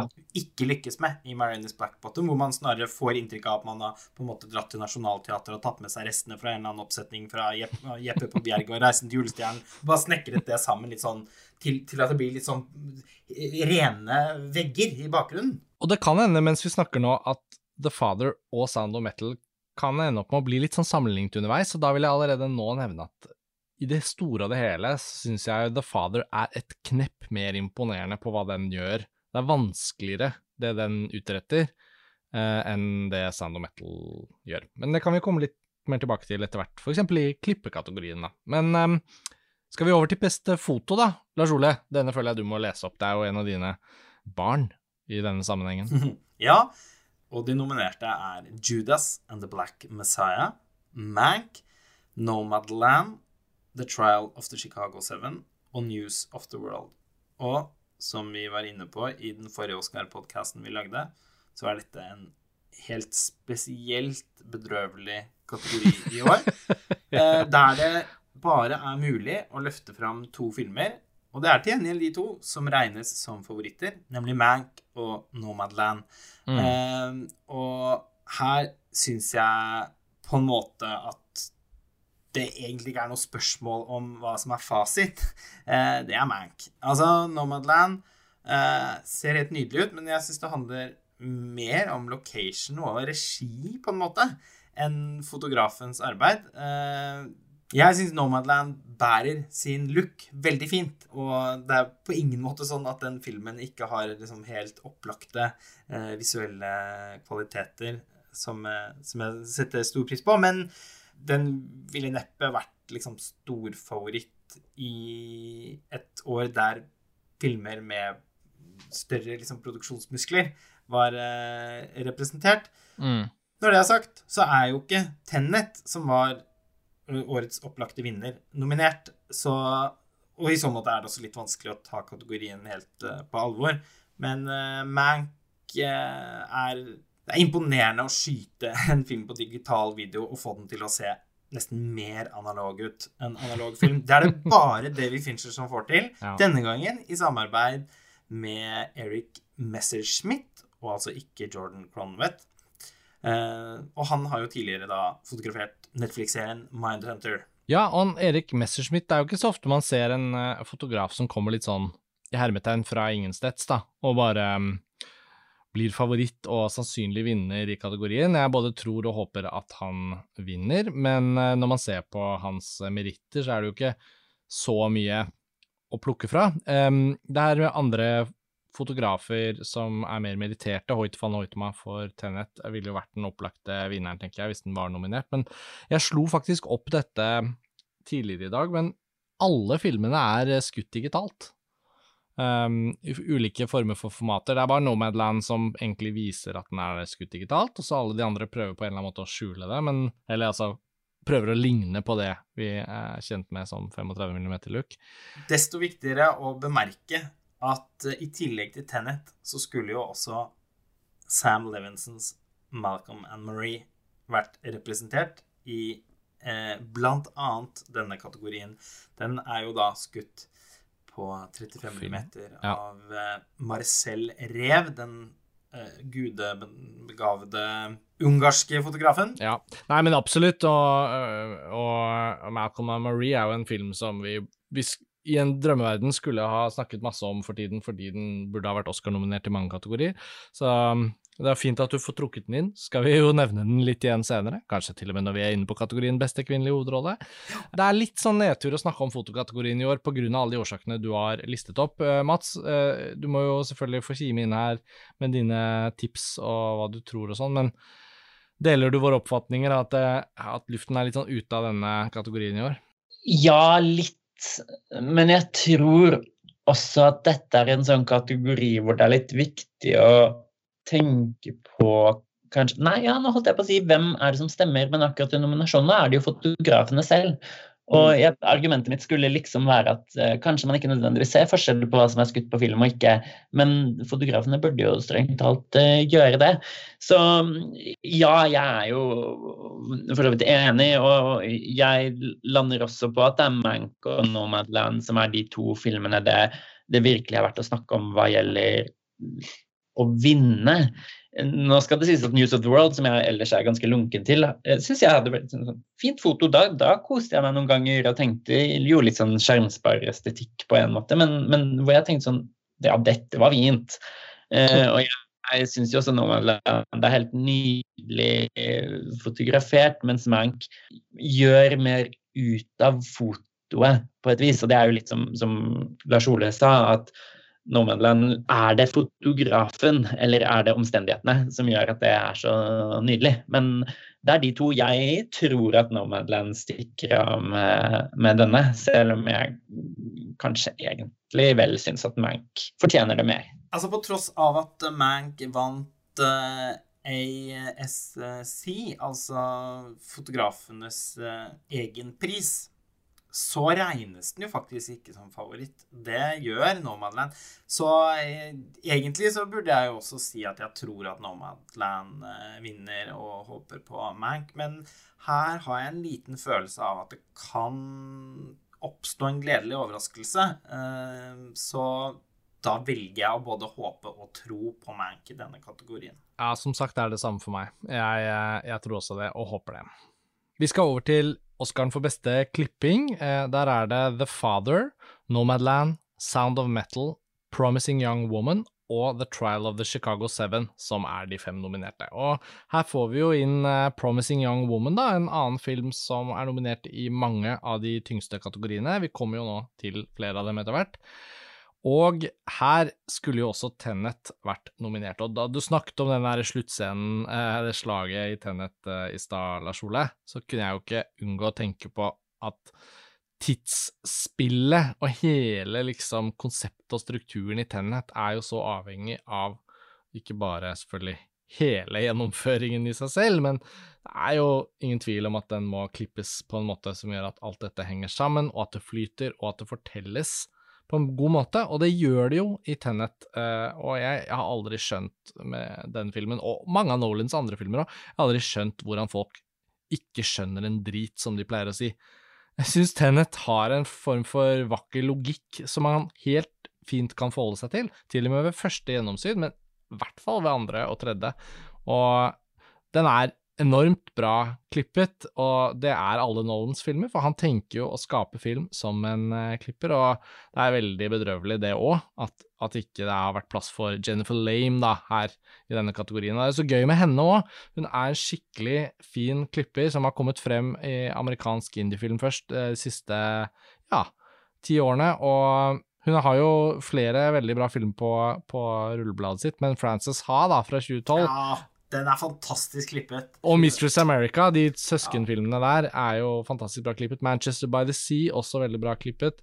Og Hereditary. Men Tenet til side, så er det mye bra i denne kategorien, og um, jeg trenger jo ikke begynne å snakke, men jeg har jo en del tanker om noe av dette, og jeg fikk sagt litt i stad. Jeg har en følelse at det er en veldig bra klippet film som kommer til å vinne. Men Mats, få høre fra deg først eh, om klippekategorien. Altså, klipping i Oscarsammenheng har jo hatt en tendens, kanskje i hvert fall i de senere årene, til å være litt sånn mest klipp, ikke nødvendigvis best klipp. Sånn hvis man sitter der som litt sånn ufaglært skådis og tenker på klippekategorien, så tenker man sånn Hvor er det jeg husker at det var klipp, liksom? Og så stemmer man på den. Og sånn sett så ligger jo kanskje en film som Promising Young Woman egentlig ganske godt an, fordi man liksom det er liksom litt Ja, litt kule klipp og litt sånn merk, Man merker klippingen på en annen måte enn f.eks. i No Man Land, som man tenker tilbake på er sånn der Ja, det, ja, ja, det, var, jo, det var jo klipp der, liksom. Men en litt sånn fun fact om den kategorien er at det er veldig sjelden at en film vinner beste klipp uten å ha en lydnominasjon i tillegg. Da stiller jo plutselig Sound of Metal grådig sterkt i den kategorien her, for de andre kan se langt etter en lydnominasjon. Så statistikkleseren i meg vil jo stemme på Sound of Metal, eller spå Sound of Metal i denne kategorien, men så tenker jeg at Promising Young Woman har mest klipp, på en måte. The Father er den som kanskje bruker klipp best i historiefortellingen. Og så igjen så sitter jeg med en slags sånn følelse av at alle de foregående prisene, liksom bøssen generelt, av en eller annen grunn lener mot The Trial of the Chicago Seven. Så eh, hva skal det bli til slutt, liksom? Jeg tror kanskje at jeg går for Sound of Metal, men jeg tror også at det er feil, hvis det er lov å si. Ja, da var det min tur. Jeg vil jo også bemerke at Mank er fraværende i denne kategorien, og det syns jeg er et stort mysterium. Uh, men blant de vi har å velge mellom, så ville det rent preferansemessig for meg stått mellom Nomadland og The Father. Den mest klippeti-klappete filmen her er jo The Trial of the Chicago Seven, men jeg opplever at den filmen peaket for tidlig, og at den virkelig er i ferd med å bli glemt. Og greit er det, fordi det er en underholdende og velspilt uh, film som ikke sitter Altså, som forlater deg ganske raskt etter at uh, du har sett den. Det var i hvert fall tilfellet for min del, selv om jeg egentlig ikke har noe vondt å si om den filmen. Men jeg vil jo Jeg har en slags magefølelse på at det kan skje noe gøy i denne kategorien, og at det som skjer, er at uh, The Father vinner. Det er en film jeg faktisk likte ekstremt godt på mange områder hvor jeg ikke visste at jeg kom til å møte på et så sofistikert arbeid, på en måte.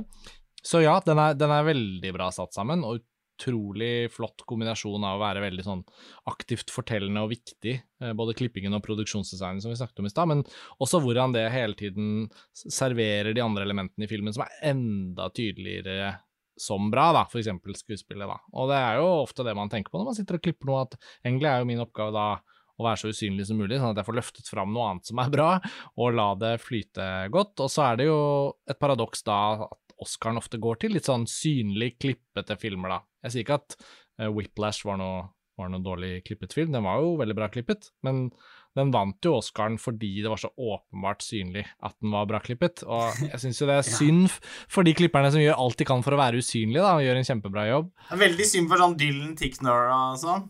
Ja, ja, nettopp, ikke sant. Men det, jeg må si en liten fun fact her, da. Altså at Sound of Metal, for de som ikke vet det, er jo da klippet av en dansk klipper som heter Mikkel Nilsen. Mikkel EG Nilsen. Og hvis man spoler litt tilbake, så er han faktisk den klipperen som gjorde det arbeidet med Christoffer Boe i 2003 på Reconstruction. Ja. Og den filmen husker jeg også som veldig sånn fascinerende strukturert og klippet. ikke sant? Jeg hadde ikke noe språk for det den gang, men jeg bare likte den. Og Christoffer Boe har jo endre, ikke endt opp med å bli noen stor autør som noen tenker på eller bryr seg om eh, nå til dags. Men hyggelig å se at klipperen hans har jobbet eh, jevnt og trutt, og klippet En kongelig affære i 2012. som jo fikk mye internasjonal oppmerksomhet, og jobbet med Carrie Fukunaga på Beasts of No Nation, og så Sound of Metal, da.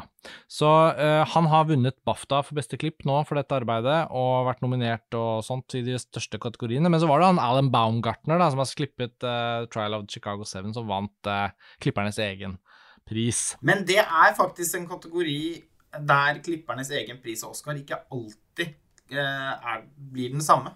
Stemmer. Det, det, dette er jo en kategori hvor det ofte skjer gledelige overraskelser. Vi glemmer jo sent da The Girl with the Dragon Tattoo eh, tok med seg denne prisen, eh, til min store glede. Ja. Og det var jo da utvilsomt Eh, den synligst, eh, den synligst klippede filmen det året. ja, det var Så, det. men på den beste mulige måten. Nei, men det er morsomt om han greske klipperen uh, bak The Father, Jorgos Lamprimonos, faktisk heter han. Og han, uh, han, han, må jo gjerne vinne for The Father. Det, det er jo ingen tvil om at han faglig har gjort alt, alt riktig og, og, hjulpet den filmen. De tingene han liksom skjuler gjennom klippen, blir Mm. jo innmari viktig eh, for vår reise og vår orientering i det fiksjonsuniverset. Filmen er jo på en måte en slags sånn Alzheimer-simulator. Og jeg kjente veldig på at jeg syntes at eh, måten den var klippet på, var eh, et, et viktig liksom, tannhjul. Fikk vi tatt spådommene våre nå, eller bare pratet vi klipping? Jeg tror Sound of Metal vinner, og håper kanskje på The Father, da. Skal jeg være litt frekk og si at det er den jeg egentlig liker best. Jeg er enig med deg, Karsten. Ja, det mest fornuftige her eh, ville nok eh, vært å si at man tror at eh, Sound of Metal vinner. Jeg har også registrert den bøssen, men jeg har jo ikke sett filmen. eh, og velger å satse på The Father isteden. Og det syns jeg også da ville vært ytterst fortjent. Og blant disse her så ville det jo da vært mitt valg. Og så blir det jo sikkert da Chloé Zhao som vinner for Nomadland. Hun er jo nominert i fire kategorier, det er jo litt uh, flott i seg selv. Vi kommer mer tilbake til det nå etter hvert som vi kommer oppover de, de kategoriene. Men den har jo en sånn veldig sånn impresjonistisk klippestil som Akademiet er særlig kjent for å ikke berømme. Hun er ikke favoritt. Nei. Nei. Vi skal videre til beste internasjonale film. Um, de fem nominerte er da Et glass til, som den heter. Thomas Winterbergs danske prisvinner fra så mange forskjellige uh, utdelinger. Better Days fra Hongkong. Collective fra Romania. The Man Who Sold His Skin fra Tunisia. Og Kuo Vadis Aida fra Bosnia-Hercegovina. Og eh, her ble det jo ikke noen norsk nominasjon for Håp. Så er det sagt. Så trenger vi ikke sutre noe mer over det, men jeg tenker jo at den hadde jo tålt å være nominert. Ja, det hadde den virkelig. Den hadde tålt å vinne i denne kategorien, tenker jeg. Mm. Mats, du har jo sett alle fem, har du ikke det? Ja, helt enig. Jeg kan godt sutre litt over at Håp ikke er nominert. Det er som du sier, Karsten, jeg har sett alle fem her. Og jeg hadde stemt på håp med begge hender og øya i kryss i den kategorien her hvis den hadde vært der. Og skulle, nå, nå, er det Norge, da, og jeg må liksom heie litt. Så ja. syns jeg ikke det er en så verst kategori, altså. Mm, egentlig. Den eneste jeg ikke helt syns har noe å gjøre her, er Better Days, som jeg Det er sånn jeg skjønner ikke hva som har skjedd. Det er en ungdomsfilm på en måte. Og jeg, jeg, så den her om dagen og tenkte sånn Men i alle dager, er det dette dere har valgt? Hvem, hvem er det som har stemt på den? Og det syns jeg sånn oppriktig er litt rart. Den kan jeg Nei, jeg altså det er ikke noe vits å diskutere hva som kanskje vinner, fordi det blir jo Thomas Winterbergs et glass til. Mm. Med mindre Kovadi Saida har fått den virkelige oppsvingen som noe bøss kanskje kan tyde litt på, og det er en bunnsolid film. Det, fra de fem her så er det den jeg hadde stemt på selv. Og den har fått en, en, en oppsving i, i, popularitet, som jeg sa, men, men med reginominasjonen til Et glass til i tillegg, så er det jo helt sånn nærmest utenkelig at ikke den også bare sveiper med seg enda en Oscar hjem til Danmark. Ja, og så er det jo litt sånn påfallende her at en av de fem nominerte også er nominert som beste dokumentar, da. Rumenske kollektiv. Og det skjedde jo med Honninglandet for noen år siden, så det har blitt en sånn her eh, ting som det snakkes om, da. At noen land også har begynt å føle seg trygge nok på dokumentarene sine til at de sender dem inn som kandidater i beste internasjonale film. Så jeg syns jo Kollektiv var en veldig bra film, og jeg fikk sett Kuo Vadis Aida i dag, faktisk. Og den var veldig sterk. Den handler om folkebordet i Strebrenica og dagene og timene før man skjønner at de nederlandske FN-soldatene ikke er i stand til å beskytte lokalbefolkningen, og vi følger liksom hovedpersonen som er en kvinne som jobber som tolk for nederlenderne, og er liksom akkreditert FN-ansatt, men hun har sine sønner og sin mann blant da lokalbefolkningen. Det blir jo sånn gruoppvekkende jævlig å følge filmen, men veldig bra film. Og Jasmila Zbanic lagde jo et glimrende film som vant Gullbjørnen for noen år siden, Grbavica. Så den er også god. Eh, jeg, jeg, tror også det blir ett glass til og Thomas Winterberg. ikke bare pga. reginominasjonen, men jeg har inntrykk av at den filmen den uh, gjør mange tilskuere beruset. Fordi den både har alvorlig tematikk, men også er veldig sånn livsbejaende og herlig. Det har vi jo snakket om ved flere anledninger, Lars Ole, når denne filmen har blitt diskutert. Og Mats Mikkelsen er jo også en stor stjerne. Han er jo liksom bad guy i så mange franchiser nå at han, han er jo virkelig et eh, navn folk kjenner. Så det er et eller annet med helhetspakka der som gjør at jeg tror folk stemmer på Vinterberg. Og for så vidt håper jeg litt at den vinner òg. Um, det er min spådom. Lars Ole? Ja, jeg syns det er innmari trist at ikke Mats Mikkelsen ble nominert. Han er jo eh, også en av verdens beste skuespillere. Mm. Så det var jo et sjeldent vindu for en sådan nominasjon. Ja, de hadde virkelig en mulighet. Ja, det hadde jeg. Jeg syns det var litt eh, overraskende, faktisk. Eh, og så var det jo en veldig positiv overraskelse at eh, Thomas Winterberg endte opp som nominert. Det syns jeg er innmari gøy. Jeg syns dette er hans aller beste film siden aller beste. Blir litt å ta i i og med at han bare laget to bra filmer siden festen. Men, men han har laget tre fremragende filmer nå, og denne vil jeg i alle fall plassert på så, som, som, nummer to i hans filmografi, og det var en av mine favoritter fra i fjor. Og den er jo en slags overlegen favoritt i kategorien takket være den reginominasjonen, og at den har seilt på en sånn bølge av entusiasme mm. eh, i månedsvis. Eh, det vil være en svært fortjent vinner. Hadde vi spurt tilbake til 15 år, eh, så hadde man på ingen måte kunne føle seg trygg på at den kom til å vinne. Egentlig snarere tvert imot. For denne kategorien var jo beryktet for å nesten alltid velge noe annet enn det som var forhåndsfavoritten tidligere, pga. en litt sånn helt sånn spesifikk juryprosess. Man minnes jo f.eks. ikke sant, at Amelie fra, den fabelaktige Amelie fra Montmartre var nominert til seks Oscar, men likevel eh, ble stående tomhendt eh, når eh, Ingenmannsland tok med seg den prisen. Det var mange sånne tilfeller. Den tradisjonen som var litt morsom, men også innmari frustrerende. Den uh, er brutt for, for, lenge siden. Og selv om den Spanish-filmen sikkert er veldig gripende, da jeg var også begeistret for Garbavica, så har jeg ikke noe tro på at Winterberg mister denne. Det syns jeg ville være veldig trist. Ja, enig. Så der, eh, der har vi vel lik oppfatning av hva som venter.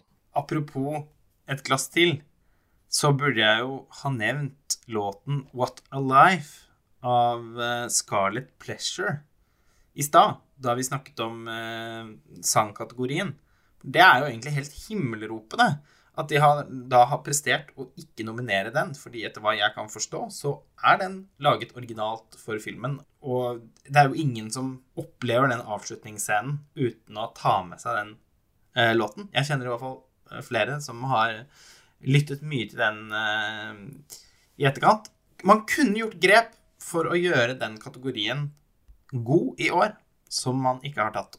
Uh, neste kategori er jo da beste dokumentar, og de nominerte her er uh, Kollektiv. Altså den rumenske filmen som også var nominert til beste internasjonale film. Time, My Octopus Teacher, Crip Camp og The Mole Agent. Mats, hva tenker du om denne kategorien i år? Jeg sa det vel sist eh, podkast også, at kortlisten til denne kategorien er så utrolig sterk at hvis man har lyst på en god dokumentar, så er det bare å gå på den kortlisten på 50 filmer, og du kan nesten ikke trå feil. Og samtidig som jeg mener det, så ser jeg på de fem der nå, og så tenker jeg jo at det er ikke riktig, altså. Jeg, jeg savner særlig Boys State og Dick Johnson is Dead. Særlig de to syns jeg absolutt skulle vært eh, nominert. Kanskje da særlig over Crip Camp og The Mole Agent. Men det er en ganske sterk eh, kategori allikevel. Og rent sånn statistisk, med tanke på hvilke priser den har vunnet på veien, så, så er My Octopus Teacher nok eh, favoritten. Men nå har jeg lest så mye sånn Twitter-tråder om den, og om, som bare er sånn utrolig på kornet og lættis om hvordan denne fyren oppfører seg overfor den blekkspruten at jeg klarer nesten ikke å ta det seriøst lenger. Men den er jo egentlig en ganske sånn fin og nær naturdokumentar. Den er veldig sånn stilig, og jeg skjønner hvorfor den gjør det godt. Og den, den, den tar på en måte opp store og små ting samtidig. Eh, og, og, er veldig fin. Det er Netflix, så alle kan bare logge inn og se den i, i morgen hvis de vil. Um, men eh, ja, det er god kategori, altså. Med, med, igjen veldig forskjellige tematikker, veldig forskjellig stil. The Mole Agent er liksom nesten en komedie, men også en spionthriller. Crip Camp er mer sånn historisk dokumentarfortelling. Time er et veldig sånn tidsbilde av USA. Det er bare sånn utrolig spekter i den kategorien, og det er veldig forskjellige typer filmer. Og selv om ja, jo mer jeg tenker på det, så syns jeg Boy State skulle vært liksom, en overlegen vinner her. Men nei, det, jeg tror det blir My Octopus Teacher, altså. Det tror eh, jeg også, i og med at den er regnet som forhåndsfavoritt. Og det syns jeg er veldig morsomt, for jeg så den filmen tidlig og varslet deg om den, eh, Karsten. Og da var du liksom men Ja, men det er vel litt sånn noe du kanskje har blitt litt opptatt av. er det noe for meg her?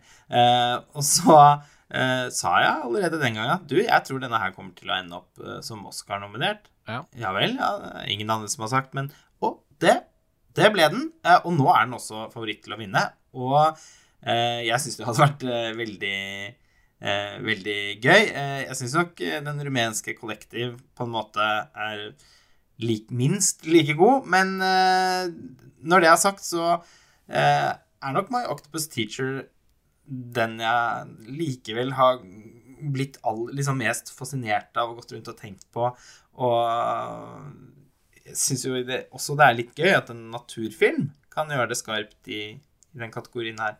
Ja, det er jo litt gøy. Men jeg har jo da ikke sett noen av de andre, da. Bare så det er sagt. Nei, altså, jeg Vi kjørte My Octopus Teacher her i går, omsider, og jeg har sett Time og Collective. Og til lytterne og til oss selv så vil jeg bare nevne at her snakker vi jo om en kategori hvor alle filmene nå er på strømmetjenester og kan ses da, hjemme. Collective er på HBO Nordic, eh, Time er på Amazon Prime, My Octopus Teacher og Cripcamp er på Netflix, og The Mole Agent, som jeg ennå ikke har sett, da måtte jeg jo lete opp før i dag for å være sikker. og den er faktisk tilgjengelig på bibliotekenes lånefilmtjeneste, Filmoteket. Bare å gå inn og registrere seg med nasjonalt lånekort, så får man låne den gratis, da. Um, så alle kan se disse filmene, og jeg har igjen å se da Creep Camp og The Mole Agent, men um, bussen tilsier jo at My Octopus Teacher blir litt sånn The Little Film That Could, fordi på IndieWires uh, podkast Screen Talk, hvor Eric Cohn og Ann Thompson ofte snakker mye om Oscarsesongen Egentlig halve året er jo i all hovedsak dedikert til det, selv om podkasten gir seg ut for å være opptatt av filmkulturen og kinokultur in general. Og der beskrev hun det at My Octopus Teacher er jo ikke en film som Netflix engang har satset på uh, i sin kampanjevirksomhet, men en film som de bare rett og slett har ja, kjøpt opp eller finansiert og, og lagt ut på tjenesten sin, og at du, Lars Ole, var jo en av dem. og det, Folk som begynte å se den tidlig, elsket den og tipset andre om den, og her har det liksom vært sånn der virtuelt word of mouth, da. At uh, det har blitt en kjempehit, og nå plutselig er den Oscar-nominert. Og ikke bare er den det, men den er også en stor favoritt. Og det snakkes jo mye om at uh, året har vært annerledes, også fordi det ikke har vært disse fellesvisningene av verken fiksjon eller dokumentarfilm, øh, øh, akademimedlemmer som møtes i foajeen, snakker om ting. Men tvert imot så har jo de filmene som f.eks. er på Netflix, da, og som ikke er screener-basert og ikke sant, akademia har hatt sin egen sånn virtuelle screener-plattform, men den funker ikke på alle mulige TV-er, og du må ha liksom Apple TV eller sånn Roku-spiller i USA for å få det til å funke. Altså Det er masse sånn teknisk, da. Og da teller det til fordel for de filmene som bare er tilgjengelige, uansett hva du har av utstyr. Og alt det oppsummerte Anne Thompson her for noen episoder siden som en sånn veldig sånn talte til Mike Octopus Teachers fordel, da, for det, det var en film visstnok flere og flere hadde sett. Til slutt er jo det kanskje en av de filmene som mange har sett, og da er det jo lettere for den å få stemmer òg. Jeg tenker alle der ute som har blitt helt sånn slått i bakken av grisen Gunda og kuene som forlater fjøset og sånn i den filmen, burde jo virkelig kjenne sin besøkelsestid, da. Ja, ikke sant. Altså, de, her var det jo flere norske filmer som Eller i hvert fall særlig to, da. 'Kunstneren og tyven' og 'Gunda' var jo begge høyt oppe og var på shortlisten, men ble ikke nominert, da. Det må jeg bare si når jeg nå har snakket om Boy State og Dick Johnson i sted. Herregud, tyven skulle selvfølgelig vært her. Beklager, Benjamin. Du fortjente den nominasjonen. Den hadde nok tålt å være der, og det er så morsomt på den podkasten til Brett Easton Ellis, som er sånn du må betale, og den, ikke, liksom, den er ikke offentlig åpen på den samme måten som andre podkaster er, men han kommer altså tilbake til tyven så ofte den filmen har liksom festet seg ved. Det er egentlig noe av det beste han så i 2020, så det er litt kult det òg, da. At uh, forfatteren av American Psycho på podkasten sin i 2021 sitter og snakker ja. om en norsk dokumentarfilm. Jeg tenker at det er så kult at uh... ja. ja. det er kult, det. Uansett, den er ikke nominert. Vi har vært gjennom kategorien. Vi må kanskje bevege oss videre for at ikke dette skal bli en altfor lang episode, men her er det jo åpenbart mye å snakke om, og det virker som vi alle har en sånn finger på pulsen til My Octopus Teacher, da. Ja, det er ikke bare vi som har fingeren på pulsen til den blekkspruten, for å si det sånn. vi skal videre til beste lange animasjonsfilm, da. Feature animation. De fem nominerte er Sjel, uh, Onward, eller Fremad som det heter på norsk, Farmageddon, Wolfwalkers og Over the Moon. Her kan jeg i hvert fall starte, for jeg har ikke så mye å si utover at Sjel og Wolfwalkers begge var blant de aller beste filmene jeg så i hele fjor. De var representert på ulike plasseringer på min topp 20-liste, og jeg er kanskje i mindretall i panelet her, men jeg må innrømme at jeg personlig håper faktisk at Wolfwalkers eh, vinner. Eh, det er ikke fordi at de to filmene er så ulike i kvalitet nødvendigvis, men det er litt fordi at jeg bare føler at det har vært veldig fint og vakkert. Og så har jo Pixar tatt hjem denne prisen eh, nok ganger på én måte. Når det er sagt, så er Sjel en utrolig fin film, og den har gjort seg fortjent til all den honnøren den har fått. Jeg syns Fremad egentlig var en ganske sånn sjarmerende barnefilm, eh, men ikke noen sånn Oscar-vinner. Eh, og Farmageddon og Over the Moon har ikke jeg sett, da. Og tror at jeg og Lars Ole skal være enige og du skal være den som er imot, for da, må, da er du feil. Hvem tror du vinner, da? Nei, jeg tror jo Soul, Ja. det er greit, altså, men det er et eller annet med at jeg syns det på en måte er litt sånn kjedelig at Pixar får en Oscar-pris bare de lager en film, liksom. Jeg syns eh, Soul er kjempegod, men det var et eller annet med Wolfwalkers som bare traff meg liksom mer i, i hjertet, og som jeg syns er helt sånn nydelig. Og det animasjonsstudioet der må jo bare fortsette å lage film hele tiden, for de trår jo faen ikke feil uansett hva de gjør. Eh, når det er sagt, så har jeg sett alle fem filmene i denne kategorien også. Jeg skjønner ikke hva Over the Moon eh, gjør der. Den trenger dere ikke å se. Men uh, A Shaun the Sheep Movie, Farmageddon, som den jo heter i, i full tittel, er kjempestilig. Og det finnes mange Shaun the Sheep-filmer som er, man tenker sånn ja vel, men den er så kult komponert i bildet. Den har så mange referanser. Det er en, bare et sånt eget univers som funker skikkelig bra. Jeg syns det er kjempekult at den er nominert. Mm. Onward så vel i hvert fall Lars Ole og jeg sammen i Berlin. Jeg kan ikke tro at ikke du også var der, Karsten. Og det var jo bare en sånn film jeg i begynnelsen tenkte sånn Ja, dette er en film, og så gikk jeg ut derfra med tårer liksom utover hele meg. Jeg følte meg som en sånn saltvannsvåt klump eh, til slutt.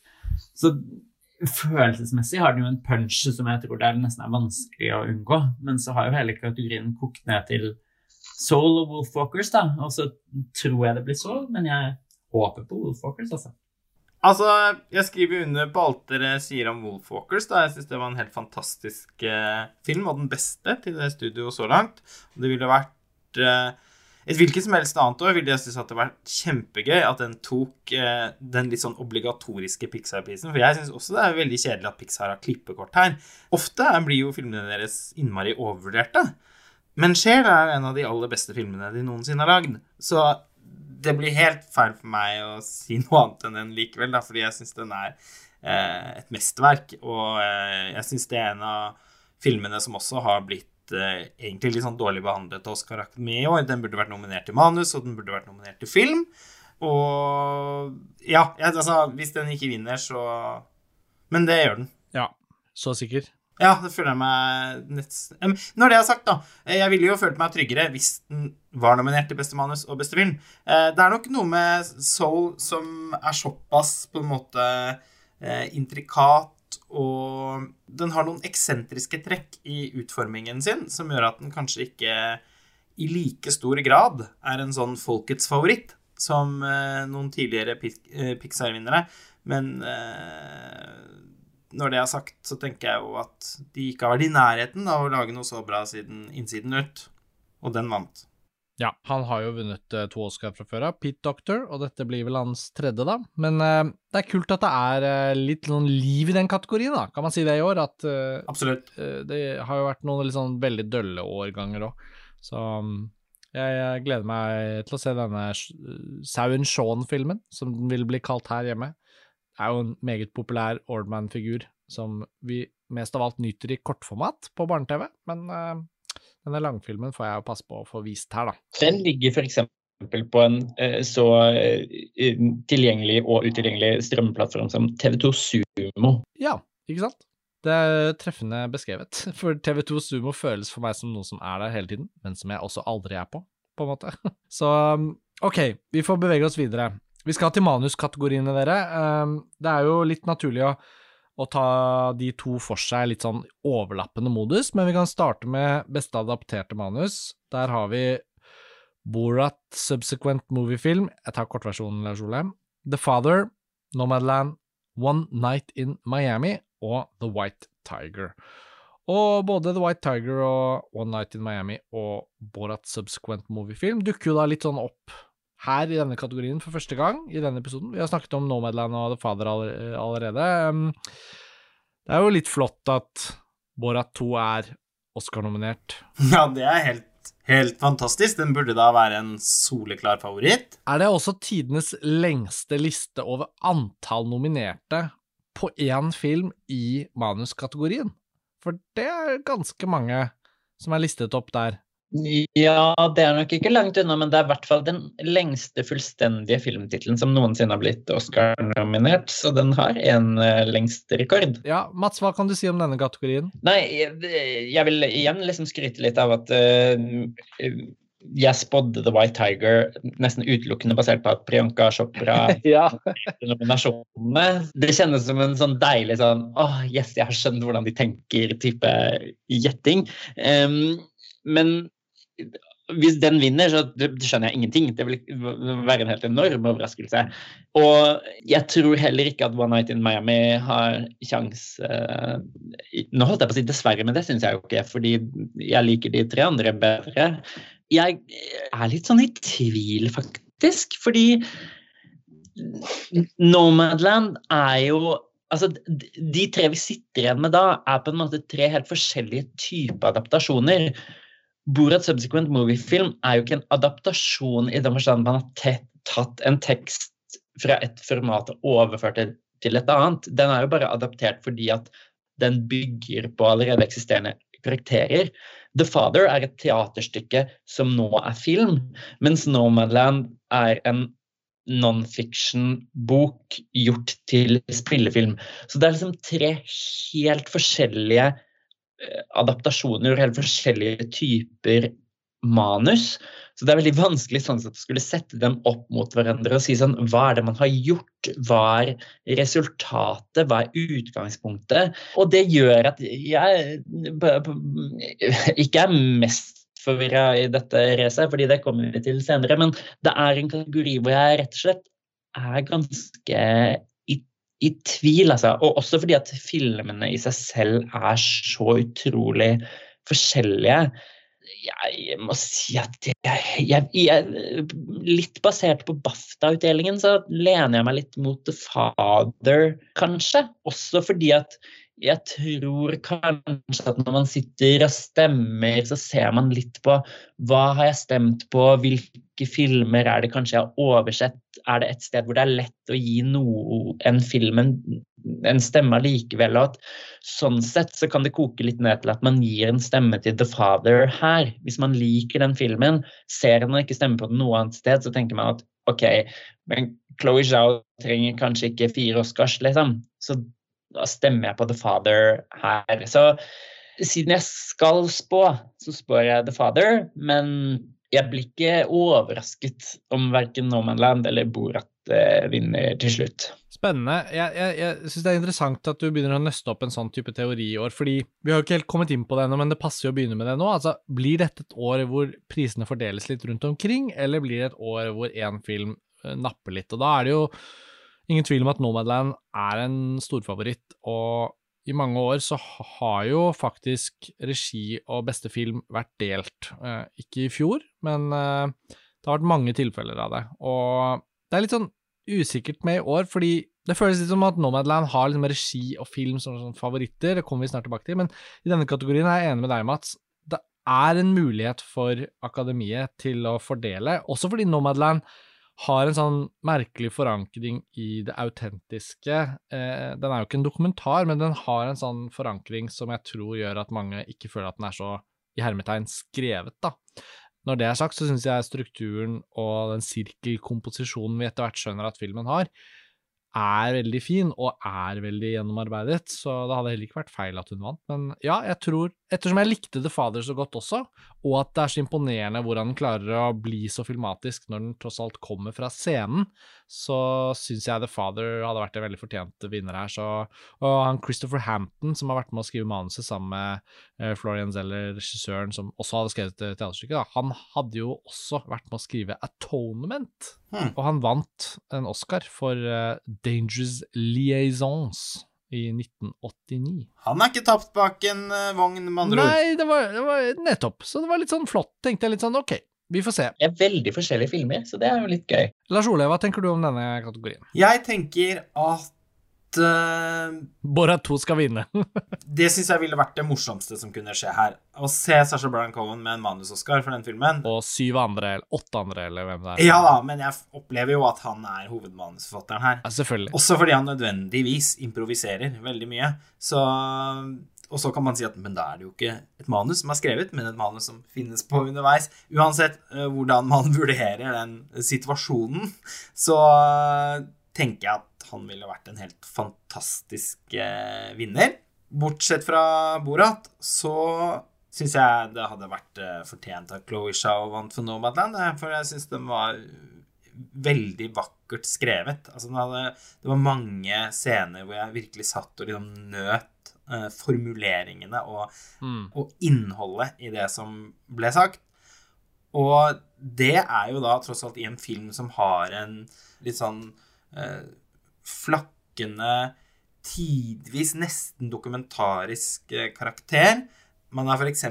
hele tiden litt sånn Man sitter og tenker litt over liksom hvor mange av uh, Hvem i rollebesetningen som er skuespillere, og hvem som er personer de har møtt omtrent, ikke sant? Eller funnet, som spiller mer eller mindre spiller seg selv. I hvilken grad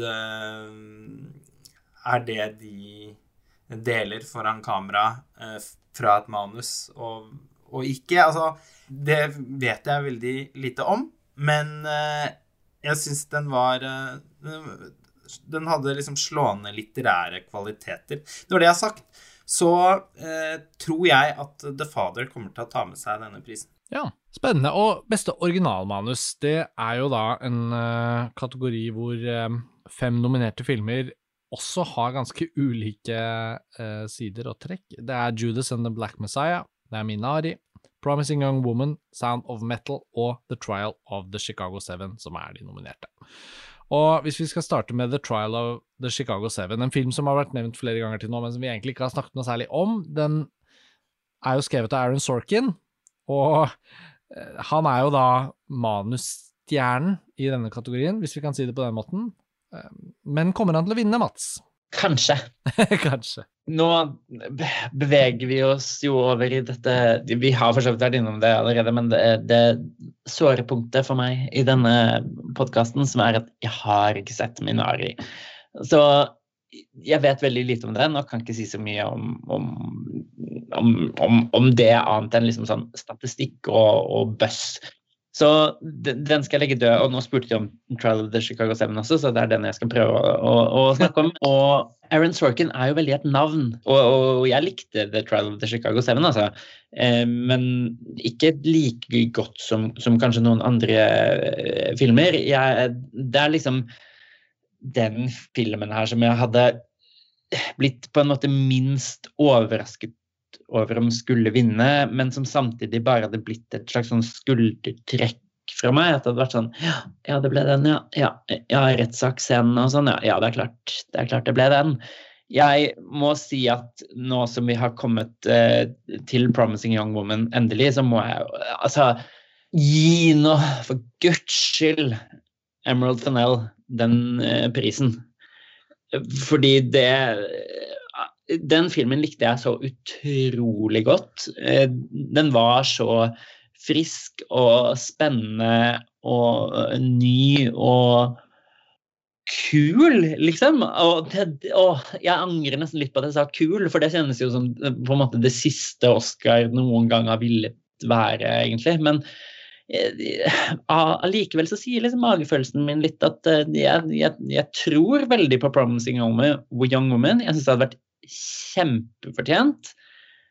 Men Aaron Sorkin, da.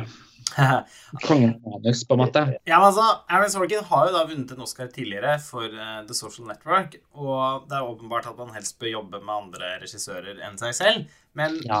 manuset i The Trial of the Chicago 7 er jo veldig altså sånn, Det er noe sånn rått profesjonelt uh, over hvordan det er skrudd sammen. Og Sorkin kommer på en måte med underholdningsgaranti.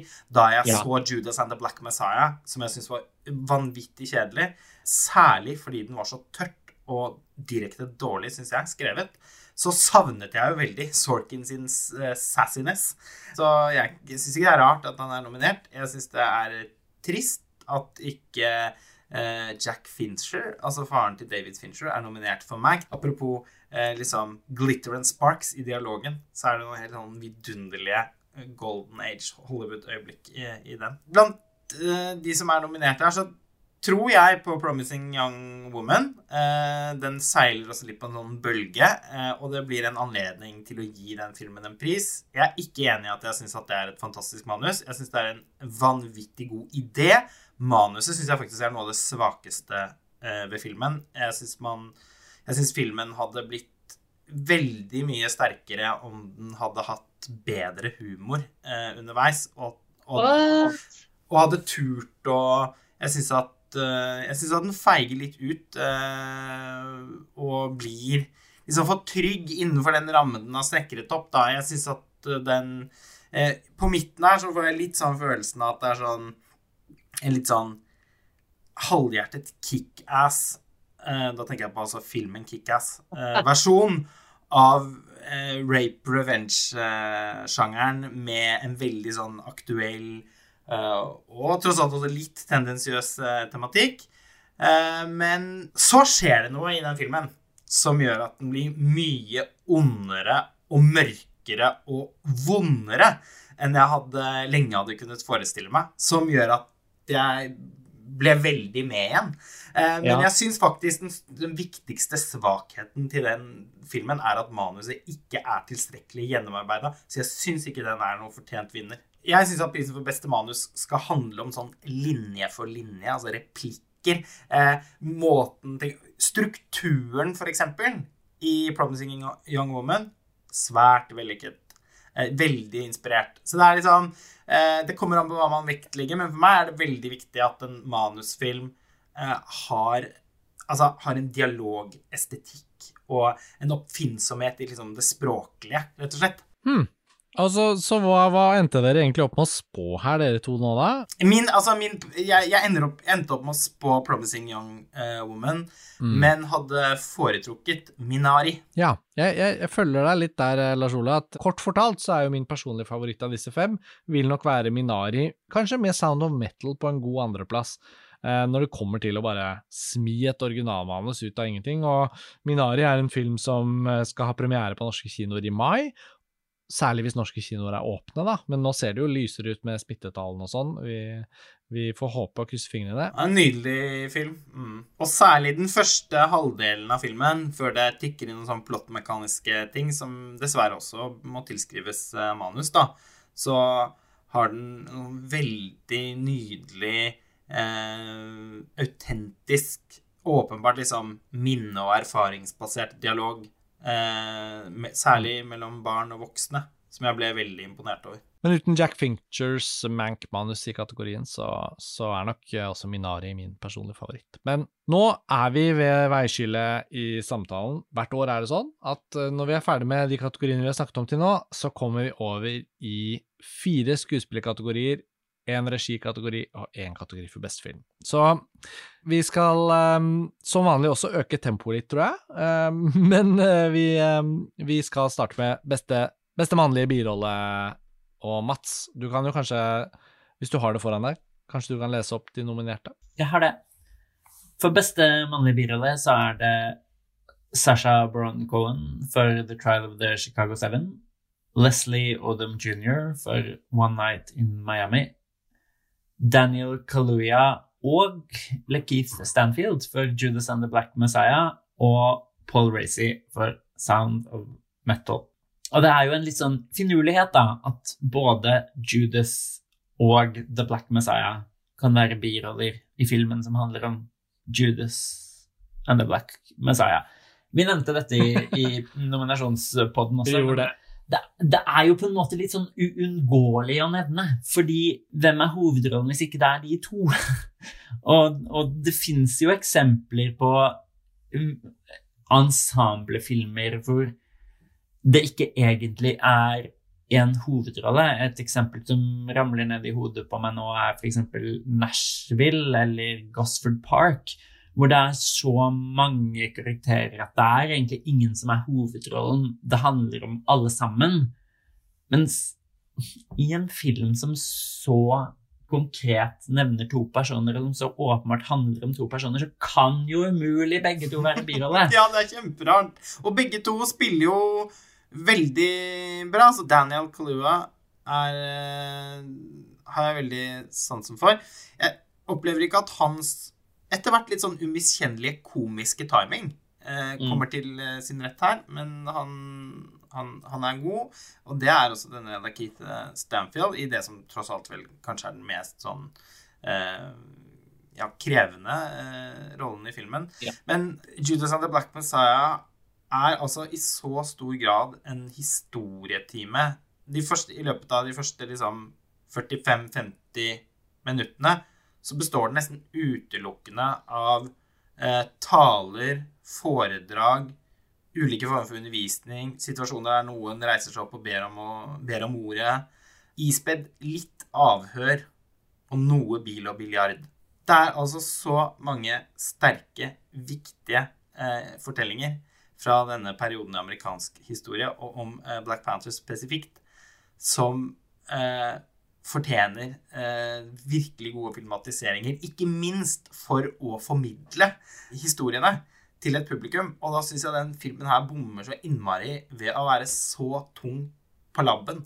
Ja, altså Jeg er enig med alt du sier. Jeg vil bare si at sånn, jeg syns dette er den kjedeligste av de kategoriene vi har igjen å snakke om. Jeg tror at Daniel Kaluuya kommer til å vinne Oscaren, med mindre det skjer en eller annen slags rar votesplit med Lakeith Stanfield og Sasha Brown Cohen plutselig vinner fordi manuspris, eller manusnominasjon og skuespillerpris og bla, bla, bla. Så jeg er veldig frista til å hoppe litt sånn fort over denne og snakke litt uh, med noen av de andre. Det kan vi godt gjøre. Jeg følte Lars Ole trakk fram et sånt klassisk bra poeng her som ville vært det naturlige å snakke om. Da kan jeg bare, hvis jeg skal bidra med noe, så vil jeg bare si at han Paul Rachi, eller Raki, som Det må være Rachi. Paul Rachi, som er nominert for Sound of Metal, han har, er jo selv hørselhemmet og gjør en virkelig fin rolle, som så lett ikke kunne bli nominert, men som ble det. Og ja, hvis det skulle være en upset, så tenker jeg hvis han plutselig blir lest opp, så tror jeg det hadde brutt ut jubel i salen på en eller annen merkelig måte. Det er jo så åpenbart en birolle. Selvfølgelig er det du som skal ha den. Ikke Judy Denshi Shakespeare in Love-nivå på birolle. Var det fem minutter du var med i filmen? oh. Men altså, noe av årsaken til at jeg bød på denne personlige oppfatningen om Judas and the Black Messiah som helhet eh, i stad, det var jo egentlig også da for å si noe om at jeg synes at skuespillerne ikke helt kommer igjennom. Det tar i hvert fall veldig lang tid før de gjør det, fordi at filmen er så emosjonelt uh, lite engasjerende. Uh, I veldig lang tid. Mm. Uh, så jeg syns det er underlig at Daniel Kaluuya er en sånn favoritt her. Det opplever jeg liksom Noen har bare bestemt det. Ja.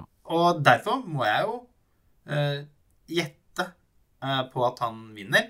Men jeg hvis jeg skulle valgt selv, så ville jeg jo eh, gått for Sash O'Brien Cohen, fordi jeg syns det ville være så innmari gøy om han vant en Oscar. Ja, det er vanskelig å ikke følge deg litt på den, men jeg tror eh, for meg ville det vært min personlige favoritt at det ble han Paul Ratchie, da. Eh, men eh, Daniel Kaluya er jo storfavoritt. Jeg tror også at han vinner. Og han har jo på en måte rukket da nå de siste årene å bygge seg opp en litt sånn status, og han ble jo nominert for Get Out, og har jo vært i mye film, morsom, kul skuespiller å følge på film. Um, Virkelig. Så det skal, det, ikke, det skal, ikke, stå på det. Jeg bare syns han har, har briljert mer i andre roller.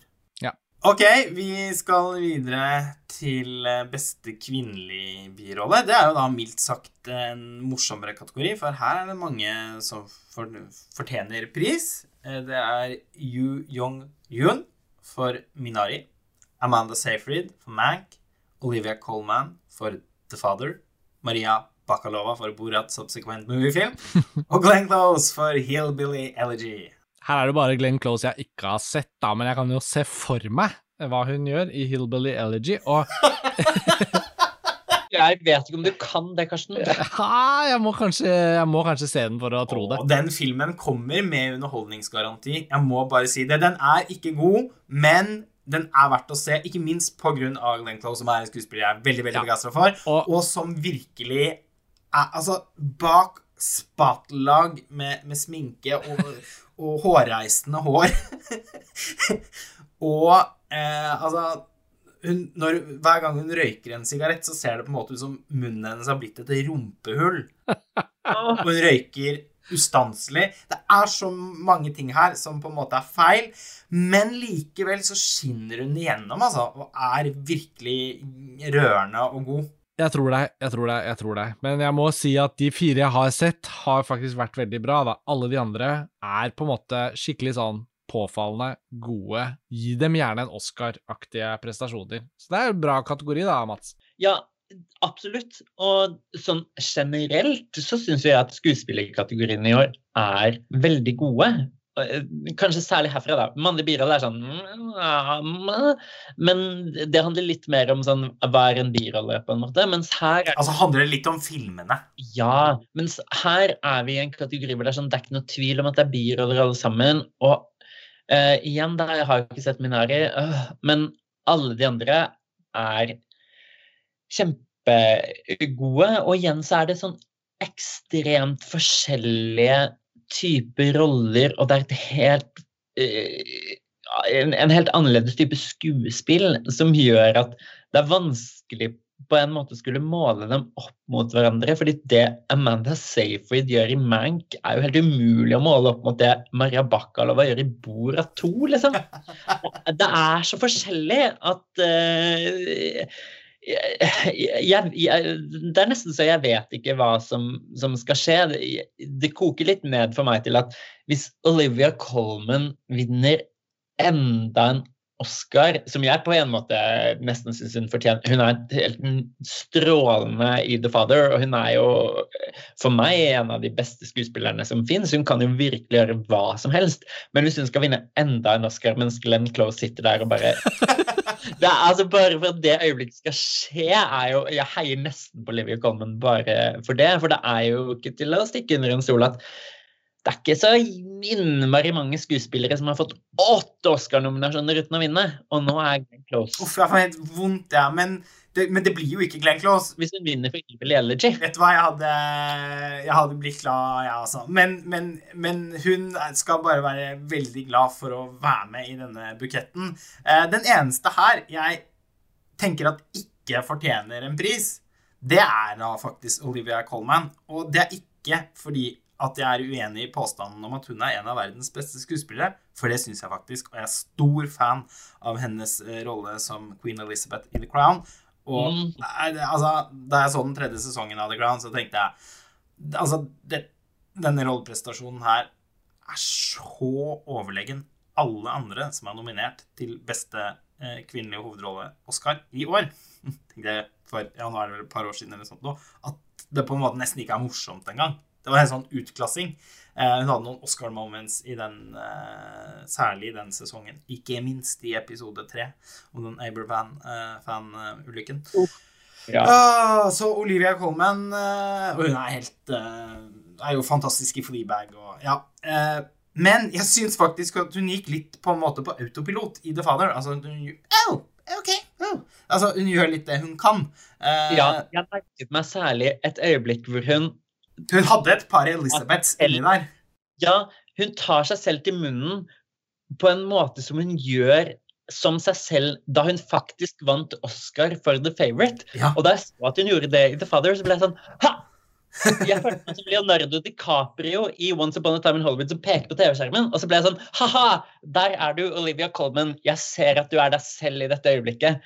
Så jeg, jeg skjønner hva du mener, ja. men Så er det denne fakten hun har som er sånn Ew! Som hun bruker veldig mye i ja. The Crown. Ofte på en veldig morsom måte. For eksempel så er det en sånn scene der hvor noen kommer med noen gaver, gaver med noe afrikansk kunst som hun da ikke, ikke har tid til å se på. Og bare, oh, is that a porcupine? Oh. Og så var det noe helt annet eksotisk dyr. Eh, så hun, denne Ewan bitt meg veldig merke som en del av hennes liksom, repertoar i, i, i, The Crown.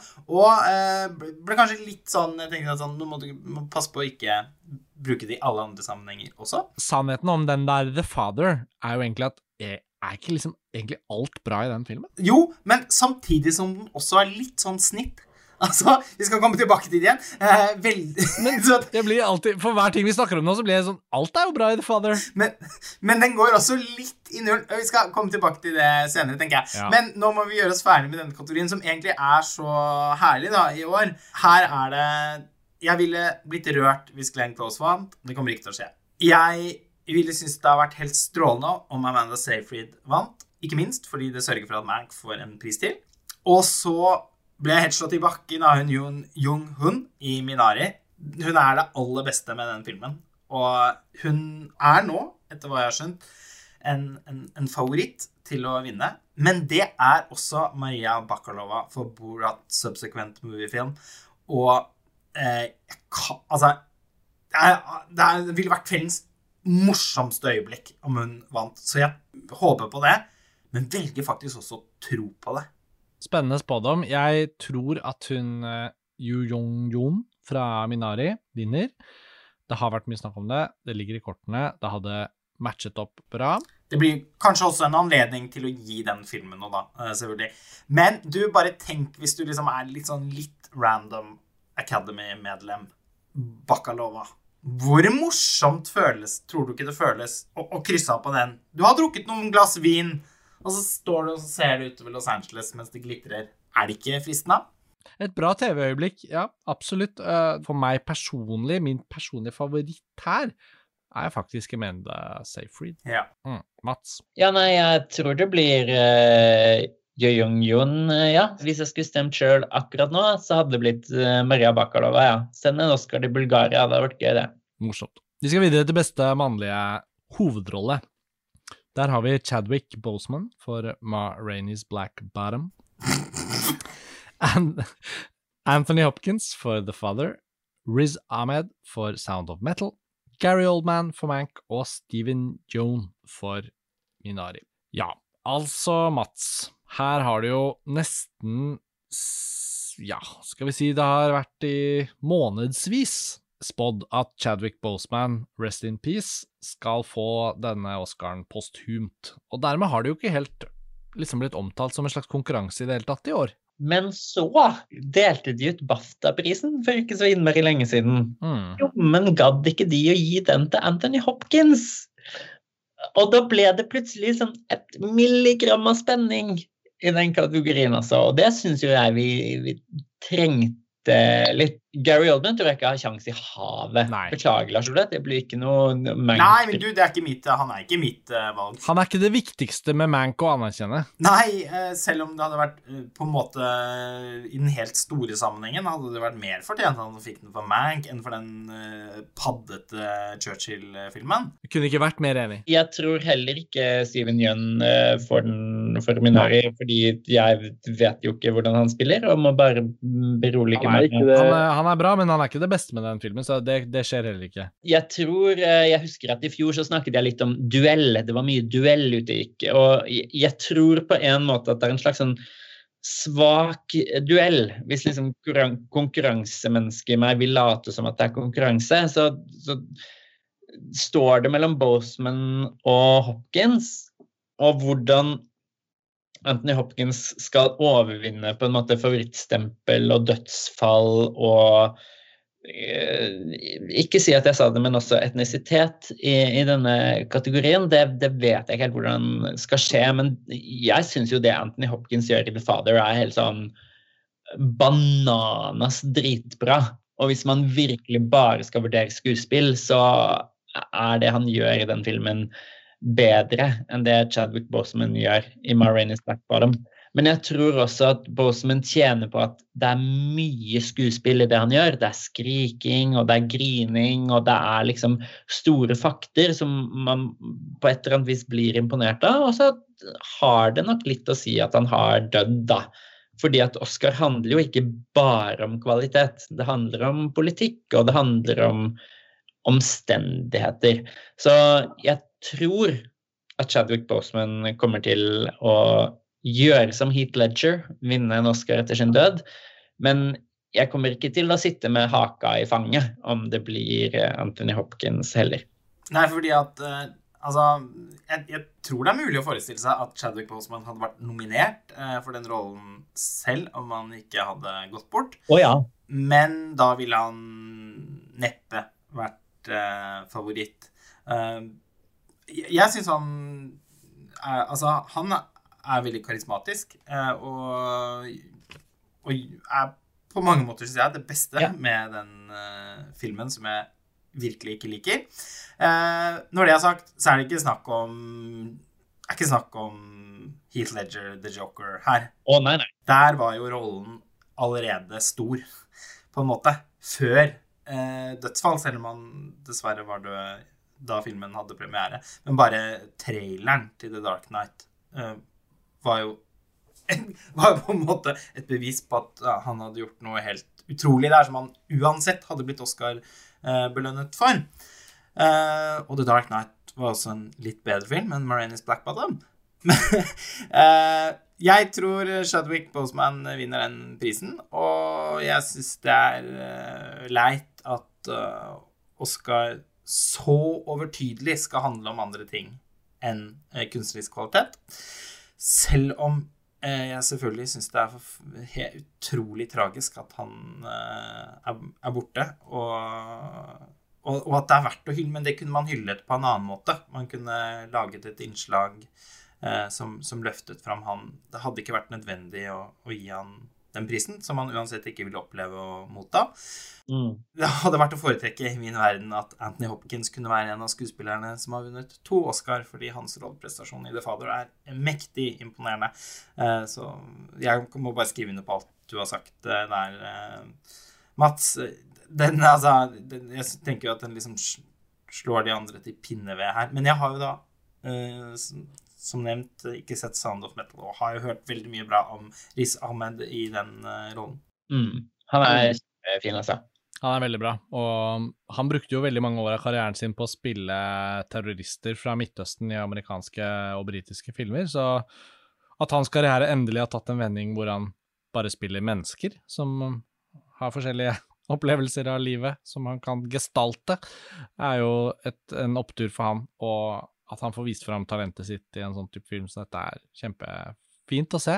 Og veldig bra rolle. Det er en sånn typisk rolle som jeg syns er fortjent at blir Oscar-nominert, og, og, så får vi sikkert se enda mange flere bra roller fra han. Um, Anthony Hopkins spiller liksom 83 år med levd liv i denne rollen i The Father. Det er, sånn, det er noe så usedvanlig komplekst og likevel så lettleselig bra med hvordan han spiller den rollen, at uh, i alle vanlige år så, så ville det ikke liksom vært noen tvil når noen bare kommer gjennom lerretet på den måten som Anthony Hopkins har gjort før, og har gjort her igjen, da, men i en veldig annen rolle enn hva vi har sett han i tidligere. Han er så sårbar. Han, det er scener i The Father hvor han blir så liten. Ja, han blir nesten som et barn. Som en liten baby. Det er, ja, det er ekstremt rørende. Altså, tårene rant på et tidspunkt der. Uh, ja, veldig sterkt. Og nå har jo jeg tatt en sånn uh, liten omvei utenom Ma Rainey's Black Bottom, så jeg, kan jo ikke si noe om rolleprestasjonen der, men uh, det ligger jo i kortene at det er det hele pakka da, som gjør at Chadwick Boseman skal hylles med denne prisen. Så vi får se. Men jeg ser, tror som dere at Boseman tar den, og så håper jeg virkelig på Hopkins. Vi skal gli videre til beste kvinnelige hovedrolle. Lars Ole, vil du lese opp de nominerte? De nominerte er Carrie Mulligan for Promising Young Woman, Viola Davis for Moraine's Black Bottom, Andra Day for The United States versus Billie Holiday, Vanessa Kirby for Pieces of a Woman og Frances McDormand for Nomadland. Altså, rent sånn statistisk og prisavhengig, så er jo dette den ene kategorien hvor det virkelig sånn er umulig å spå i år. Som er den typen kategorier jeg ønsker meg hvert år. Fordi at nå har man en situasjon der Kerry Mulligan vant Critics' Choice Award. Viola Davis vant SAG. Andrew Day vant Golden Globe. Frances McDormand vant BAFTA. Vanessa Kirby var nominert til alle de fire nevnte nå, og vant i tillegg beste kvinnelige skuespiller i Venezia. Hva skal man spå? Hva skal man tro? Det er jo sånn at alle kan vinne, og ingen kan vinne. Og så kan man prøve å brekke det ned på, på, på alle mulige måter man kan, og det fins på en måte ikke noe argument som ikke kan motsies, men samtidig ikke noe argument som ikke er riktig. Men Mats, man kunne vel kanskje startet med å brekke det ned ved at Golden Globe eh, stemmes frem av veldig få mennesker? Ja, men altså, vi skal helt tilbake til da Sissy Spacek slo Halle Berry i hva er det, 2002. Hvor Sissy Spacek vant for In The Bedroom, uh, mens uh, Halle Berry vant for Monsters Ball. Sist en Golden Globe-vinner ikke vant Oscaren. Men er det Andrew Day i det lineupet her som skal vinne kvinnelig Altså, nå blir jeg engasjert, fordi dette er den ene kategorien i år hvor jeg virkelig bare ser på de der og er bare sånn Jeg skjønner ikke hvem det er som skal vinne. Statistikken er liksom imot meg og med meg samtidig. Jeg tror jo litt at måten BAFTA gjorde nominasjonsprosessen sin i år, hvor de hadde mindre juryer som valgte de nominerte, gjorde at Carrie Mulligan f.eks. mistet en nominasjon. For jeg klarer jo ikke se for meg at i, en situasjon hvor hele BAFTA-akademiet stemte på nominasjonene, da, da, da hadde Carrie Mulligan vært der. Og hvis hele, nom- hele BAFTA-akademiet så skulle stemme på vinneren, så hadde jo Keri Mulligan vunnet den, tenker jeg. Men det er jo også et tankeeksperiment. Fordi vanligvis så pleier jo BAFTA å være sånn halvgreie mot sine egne. Men Vanessa Kirby er jo en tidligere BAFTA-vinner for The Crown. Og allikevel så overså de henne for å gi BAFTA-en til Frances McDormand. Og hva betyr det?!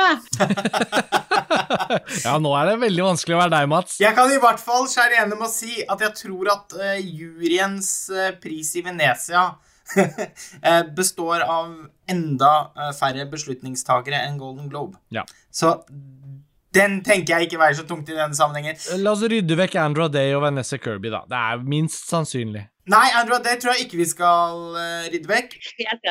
Hun er på en slags bølge. Jeg har ikke sett den filmen, så jeg kan ikke si noe om den tolkningen. Men, men hun er på en slags bølge, vet jeg. Viola Davis peaket for tidlig, så henne tror jeg med sikkerhet at det ikke blir. Det er heller ikke en av hennes Altså, det er egentlig en av, en av hennes svakeste rolleprestasjoner, spør du meg.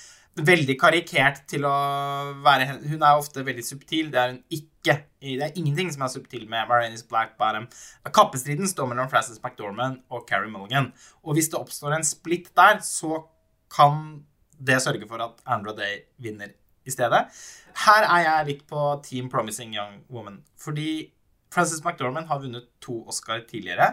Den andre fortjente hun ikke, syns jeg. Enig. Hun hadde fortjent den mer for Nomadland, men jeg opplever ikke at hun trenger tre statuetter. Det er også litt fordi at jeg syns at Frances McDormand er en skuespiller med et ganske lite register. Jeg er veldig begeistret for henne. Så hun har helt fantastisk liksom, vesen. Og eh, hennes tilstedeværelse løfter alltid en film, men jeg syns ikke hun er en av verdens største skuespillere. Enig. Hun er litt for meg som Laura Linney er, og Laura Linney er kanskje min sånn favoritt. Ja, altså Man kan aldri få nok av Laura Linney, men hun også spiller mer eller mindre den samme rollen i alle filmer. Helt enig. Jeg vil, jeg vil se Laura Linney absolutt alt. Hver gang jeg ser en film, så tenker jeg sånn Kunne Laura Linney gjort det her? Ja. Ja. Ja, men ikke sant, altså, En av mine Nesten min favorittskuespiller, Diane Keaton. Hun har Ja. stort sett spilt variasjoner av seg selv. Eh, Altså Hennes rolleprestasjon som Annie Hall syns jeg kanskje er den beste i hele filmhistorien. Og hun er mer eller mindre seg selv i den. Ja. Så mange av mine favorittskuespillere er sånn. Ja. Men, og, og da er det gjerne sånn at de kanskje ikke skal ende opp med tre eller fire Oscar-priser. Eh, som kanskje heller skal, eh, skal tildele skuespillere som virkelig liksom viser en, en, en range, da. Og Carrie Mulligan har imponert meg i mange filmer. Ja. Og hun syns jeg var det, Altså i tillegg til ideen og måten fortellingen er struktur, strukturert på, inkludert et par uh, twister, så syns jeg hun var det beste med 'Promising Young Woman' fordi at det er en veldig sånn tilbakeholden prestasjon. Jeg føler Ja. hele tiden at hun liksom snakker litt sånn innover. Eh, jeg opplever liksom at hennes mimikk og liksom tilstedeværelse i den filmen eh, blir veldig sånn styrende for at situasjonene ofte blir liggende litt sånn og, og henge i luften på en effektiv eh, måte, spennende måte. Helt enig. Og jeg skal dessverre innrømme at uh, The United States vs. Billy Holiday er mitt andre eh, sorte hull i langfilmer uh, i år. Jeg forbedrer meg selv med én film fra i fjor. Jeg har ikke sett den, så jeg kan ikke på en måte uttale meg om kvaliteten på Andrew Day. Men jeg hadde jo stemt Keri Mulligan med begge hender og i blinde hver gang nå, hvis jeg kunne stemt her. Og jeg syns dette er et godt uh, lineup. Altså, jeg liker alle de fire jeg har sett her, men på et eller annet vis så sier både magefølelse og personlig smak at det skal bli Carrie Mulligan, men basert på statistikk og tidligere priser og alt sånt, jeg, jeg, jeg aner ikke. Kan, alt kan skje, og det syns jeg er kjempedeilig. Det er sånn jeg vil at Oscar egentlig skal være. Det er dritkjedelig når samme skuespiller vinner alle prisene overalt og bare skal liksom somle seg opp på den Oscarscenen for å ta imot prisen. Nå blir det en genuint spennende pris eh, på tampen av Oscar-utdelingen i år, og det er deilig. Dette blir spennende. Jeg, jeg har troen på Carrie Mulligan litt, kjenner jeg, og som dere har snakket om, støtter det for så vidt. Kanskje det er den prisen Promising Young Woman bør og skal ta, eh, mer enn originalmanus, som vi var inne på i stad, eller kanskje den får flere. Det vil vise seg. Um, det blir veldig spennende, som du sier, Mats, og her kan virkelig alt skje. Frances McDormand, veldig bra i Nomadland. Man blir ikke overrasket om hun tar den tredje Oscaren sin heller, på en måte. Nei, fordi altså, jeg ender med å, å tro at Frances McDormand tar den, altså. Eh, selv om jeg heier på Carrie Mulligan her. Jeg syns det ville vært morsommere av de årsakene jeg nevnte i stad. Ja. Men Frances McDormand er Nomadland, på en måte. Ja, stemmer. Det er en så, ny, altså, så liksom skjønn rollefigur, og man kan ikke finne på en måte en bedre match mellom karakter, øh, type og skuespiller enn Mm. det som er tilfellet i Mm. Nomadland. Så jeg, altså, jeg syns jo Og jeg, for all del, jeg syns jo også det er gøy eh, at skuespillere blir sånne da, da er det jo Da har hun vunnet tre hovedrolle-Oscar.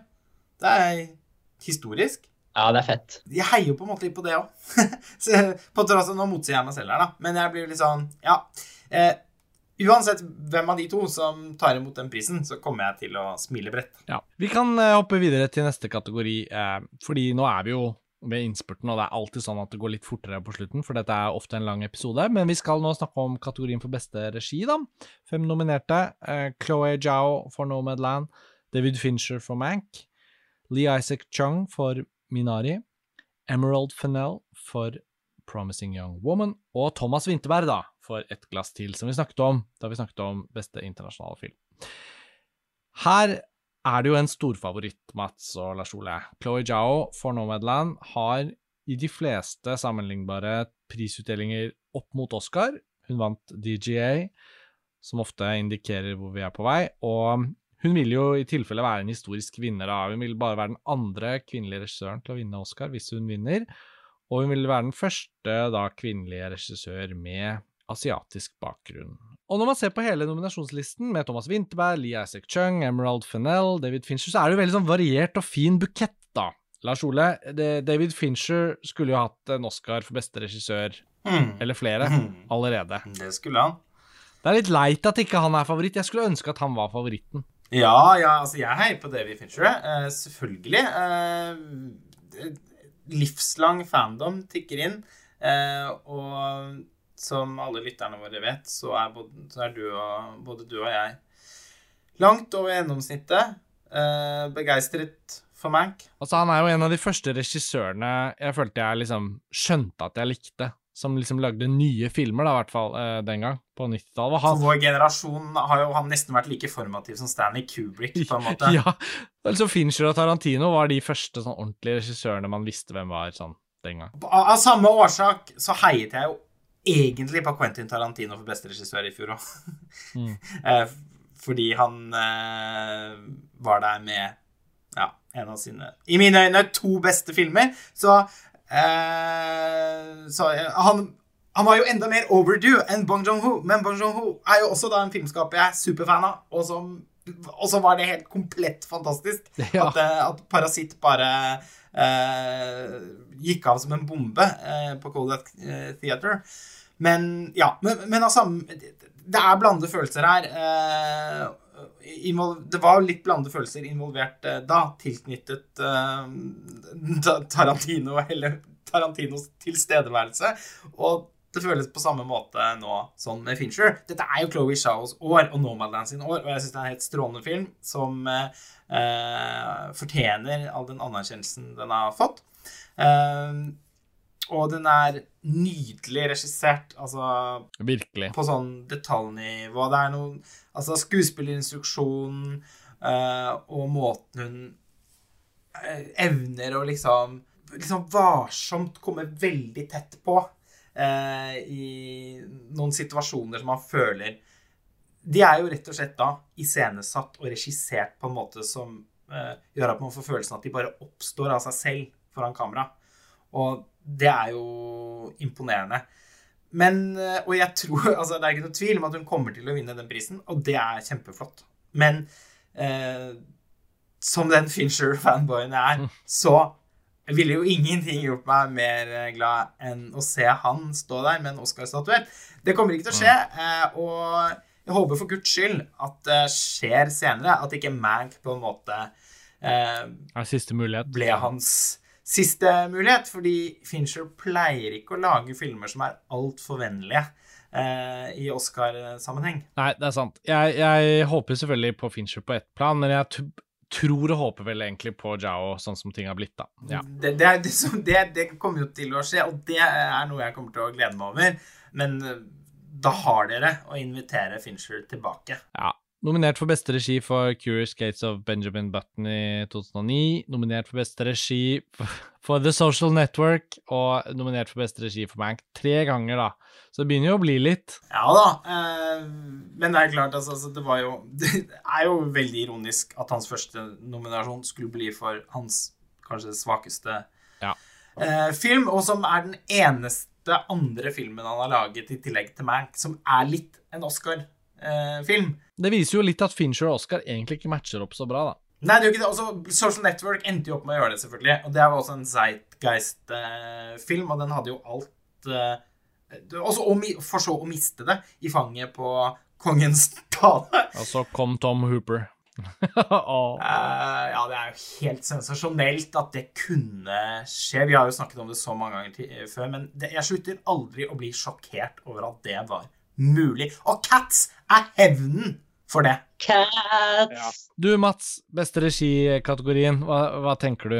Nei, altså Ja, ja, jeg er jo på en måte enig Fincher, men jeg syns jo også da på et eller annet vis hadde vært innmari stusslig at i et sånt år som har så mange milepæler og rekorder for inklusivitet og mangfold, så ender man allikevel opp med å gi regi-Oscaren til han ene hvite mannlige amerikaneren. Det hadde på en måte bare kjentes som en sånn Ja, selvfølgelig.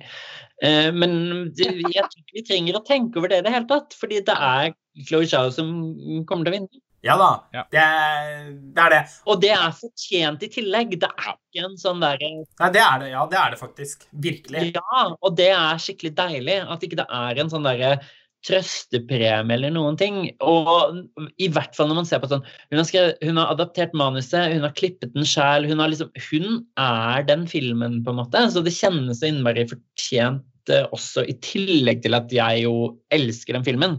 Mm. Så jeg er kjempe, kjempeglad for det. Jeg syns det er utrolig kult at det er et lineup av regissører som har liksom to kvinner og to med asiatisk opphav av en europeer To europeere. Stakkars Emerald Fennell er jo brite. Så det er, jeg syns det er kjempegøy. altså. Kult lineup. Skulle jo også på et eller annet vis bare mangle at det var noen damer i det lineupet når de først hadde det året de hadde. Jeg skulle jo gjerne sett eh, Kelly Reichardt eh, der Ja, også. altså Det er jo en skandale, tenker jeg, at hun ikke er representert. Eh, Ja. Men eh, altså Noe av det aller viktigste å liksom si om, om Nomadland i denne sammenhengen, er jo at det er en autørfilm. Ja. Eh, det er eh, Jeg kunne ikke se noe tilsvarende i verken Minari eller Promising Young Woman, bare så det er sagt. Så jeg syns ingen av de har noe å gjøre her, selv om jeg liker filmene, og særlig Minari. Så det, det er litt, det, det er Shao Fincher og Winterberg som jeg tenker Og Winterberg er jo på en måte liksom, virkelig et wildcard her. Eh, det, alt dette her tyder jo på at det er et år der eh, færre veldig sånn tunge navn er involvert enn det som er Ja. vanlig. Og det åpner opp noen dører som jeg tenker at, i likhet med deg, Mats, om at man, man er, nå må man utnytte det rommet til å mm. bedre noe Altså, det, og det er ikke bare i denne kategorien. Det preger jo Oscar i år generelt. Og jeg tenker å benytte den muligheten til å forbedre litt statistikk. Når vi uansett vet at Oscar er som det er, ikke sant? apropos eh, Ja. skuespillerkategorien som vi snakket om i stad, så n- dette er virkelig et bra tidspunkt for å bare kjøre på. Når det er sagt, eh, Chloé Zhao kunne ha vunnet den prisen et hvilket som helst år, egentlig. Så Ja. det, og, og det er jo Og, og takk lov for det. Og så vinner den jo selvfølgelig også beste film, som er eh, neste kategori. Den har vært storfavoritt eh, siden den ble vist i hovedkonkurransen i Venezia i september. Og den er da nominert sammen med Mank, Minari, The Trial of the Chicago Seven, Promising Young Woman, The Father, Judas and the Black Messiah og Sound of Metal. Ja, og som tradisjonen er, så kommer vi jo til å bruke kortest tid på denne kategorien. Det er den gjeveste på risen, det er beste film, men eh, ja, vi har snakket oss frem til det, og for de av lytterne som følger med på disse tingene, så har jo Nomadland veldig lenge vært storfavoritt, og det skal veldig mye til for at den ikke tar hjem Oscaren for beste film, og for meg personlig så ville det vært fortjent. Ut fra alt vi har snakket om, og ut fra de ulike filmenes kvaliteter og hva som er sannsynlig, så tror jeg og håper jeg at Nomadland vinner. Og jeg ville jo kanskje ha hatt Mank og Minari og The Father da, som de tre andre filmene jeg, jeg liker veldig godt. Men det er faktisk eh, sånn at jeg har sett alle, og ja, det er vel kanskje Judas and the Black Messiah og The Trial of the Chicago Seven, som begge er litt sånne historiefortellende Wikipedia-filmer, som eh, ikke gjør så mye inntrykk. Men i det store og det hele syns jeg jo kategorien er preget av at det ikke er noen sånne store turkeys da, som har sneket seg inn. Så ja, det er min lille refleksjon rundt denne kategorien, og det blir flott med Nomadland. Ja, jeg tenker som deg eh, at det, det blir en verdig markering av den filmens eh, reise. Venezia gjør seg gjeldende nok en gang. Ja, og Venezia befester seg som den absolutt viktigste festivalen for eh, den, den, kommende pris- og Oscar-sesongen. Og det er jo til glede for oss som pleier å være der. Bortsett fra når Vanessa Kirby vinner beste skuespiller. Ja. Men eh, det er jo slående, ikke sant, hvordan så mange filmer vi har sett for første gang i Venezia, uh, har endt opp med å forsyne seg, i alle fall grovt, av uh, Oscar-statuettene. Mm. Parasitt er den ene Namlin, og utover det så har det vært veldig treffende i mange år. Ja, fra Birdman til La La Land til The Shape of Water og Roma. Og Roma og Three Billboards Outside Ebbing, Missouri. Ja. Mm, mm, mm. Joker. Og Joker! Selvfølgelig. Men Mats, noen bevingede ord sånn helt til slutt om beste filmkategorien? Nei, jeg er jo litt sånn på lag med dere om at jeg syns nok Judas and the Black Messiah er den svakeste av de åtte. Men hvis det er den svakeste av de åtte nominerte til beste film, da er jeg ganske fornøyd, altså. For jeg hata ikke den. Uh, så jeg syns dette er et uh, sterkt lineup. Uh, igjen note om at jeg ikke har sett uh, Minari. gråter. Men jeg tror og håper at Nomadland stikker av med seieren, men det er en eller annen djevel på skulderen min, eller en vond følelse i magen, eller hva skal jeg kalle det. Lurer på om kanskje liksom The Trial of the Chicago Seven kan Nei! Jo, det kan ikke skje. Det er et eller annet med rangeringsmetoden og hvordan ja. de velger beste film som Jeg er så redd for at bare alle sammen er sånn derre Ja, den var fin. du tenker at det er sånn spotlight-tilfelle? Ja, type. Bare, altså, kanskje det bare er meg som vil liksom sikre meg litt. Jeg tror det blir noe Nomadland, altså. Og alt tyder jo egentlig på det. Men hvis de bommer på den i år, så tenker jeg de gjør seg selv en enorm bjørntjeneste. Men det er jo da De kåret jo Green Book for to år siden! Altså, ja, ja, ja, ja. Og det er jo Ja, men ikke sant, det er jo ikke, det er jo ikke en jury. Nei. Det er jo demokratisk. Ja. Så da er det umulig, og det er jo det som gjør Oscar så, så spennende. Mm. Eh, warts and all. At ja. eh, det kan skje. De utroligste ting kan skje. Så utrolige ting kan skje at Spotlight vinner Oscar for beste film og ja. vel én annen pris. Men nå har jeg i hvert fall nevnt det i full offentlighet at uh, det, det, kan hende det blir Trial of the Chicago Seven. Du har uh, nevnt det nå, og da kan vi alle holdt på å si grue oss. Um, i, uh, under Oscar-utdelingen i 2014 så var jo Gravity nominert i massevis av kategorier. Det var 12 Years a Slave som tok hjem Oscaren for beste film. Altså, jeg må bare spørre deg som er sånn tallknekker, Mats. Ja. For jeg ble så nysgjerrig. Hvilke filmer er det som har vunnet flest priser uten å ta med seg beste film? Gravity med sine syv må være en av dem. La La Land, åpenbart.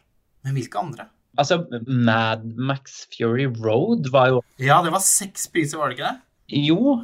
Å, så å, hvorfor var de ikke kule nok til å gi ja. Å, oh. den skulle fått flere. Ja. Åh. Åh, de er så ukule noen ganger at man, man får krupp, ass. Men tenk at de i det hele tatt ga den så mange. Det er jo Ja. Det var helt utrolig. Det var helt magisk. Det var sånn parasittaktig. skikkelig redd for at vi nå får at den, den filmen med flest Oscar-priser blir Ma Rainis Black Bottom, og at den sniker med seg fire. Altså, jeg orker ikke. Ja, det... Var det altså Oscar 2000? At det var The Matrix, faktisk, var den filmen som vant flest Oscarer det året. Det var så jevnt fordelt med prisene at The Matrix, som vant fire, eller hva det var, Mm. ble den mestvinnende Oscar-filmen det året. Det er noen sånne år òg. Det er ikke verre enn at Nomadland eksempel, bare tar med seg film, regi og foto, f.eks., og så holder det da at eh, Ma Rainey får fire. Mm. Ja, altså, det, det var vel også tilfellet for uh, Inception, uh, Karsten. Den vant jo fire priser. Det, det var vel da i alle fall like mange som Kongens tale. Ja. Det er jo da utrolig å tenke på. Jeg måtte bare dobbeltsjekke det nå. Men det var jo faktisk Spotlight som, som vant da uh, Mad Max eh, tok med seg seks eh, priser. Ja, nettopp, ja. Og så hårei... vid- Liksom sånn vidunderlig hårreisende, på en måte. ja.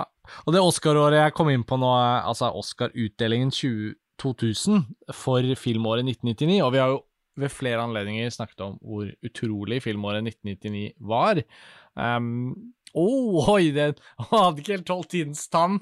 Oscar-nominasjonene er null til Ice White Shut, i hvert fall. Nicole Kidman var ikke god nok i den. Ja, altså, én ting er nominasjonene, men, men noe annet er hvem som vant. Altså, det Kevin Spacey vant jo for American Beauty, beste vanlige hovedrolle. Michael Kane, Siderhusreglene, birolle. Hilary Swank, Boys Don't Cry, for beste kvinnelige hovedrolle. Angelina Jolie for Girl Interrupted, beste Oh, var birolle. eh, Ja, altså, det er litt sånn ikoniske folk, da. På sånn popkult, så, så det er litt sånn nydelig på samme måte som å bla i et gammelt toppblad. Men, men altså, jeg tenker Kremt. Eh, Nicole Kidman sin birolle i Ice White Shut burde kanskje Ja. i, i det minste fått en nominasjon ved siden av Angelina Jolie. Og en mannlig birolle er flott med Michael Caine, vi elsker han selvfølgelig, men sånn Tom Cruise i Magnolia og Jude Law i den talentfulle Miss Ripley har, og Haley Joel Osment fra Den sjette sansen har holdt seg litt bedre.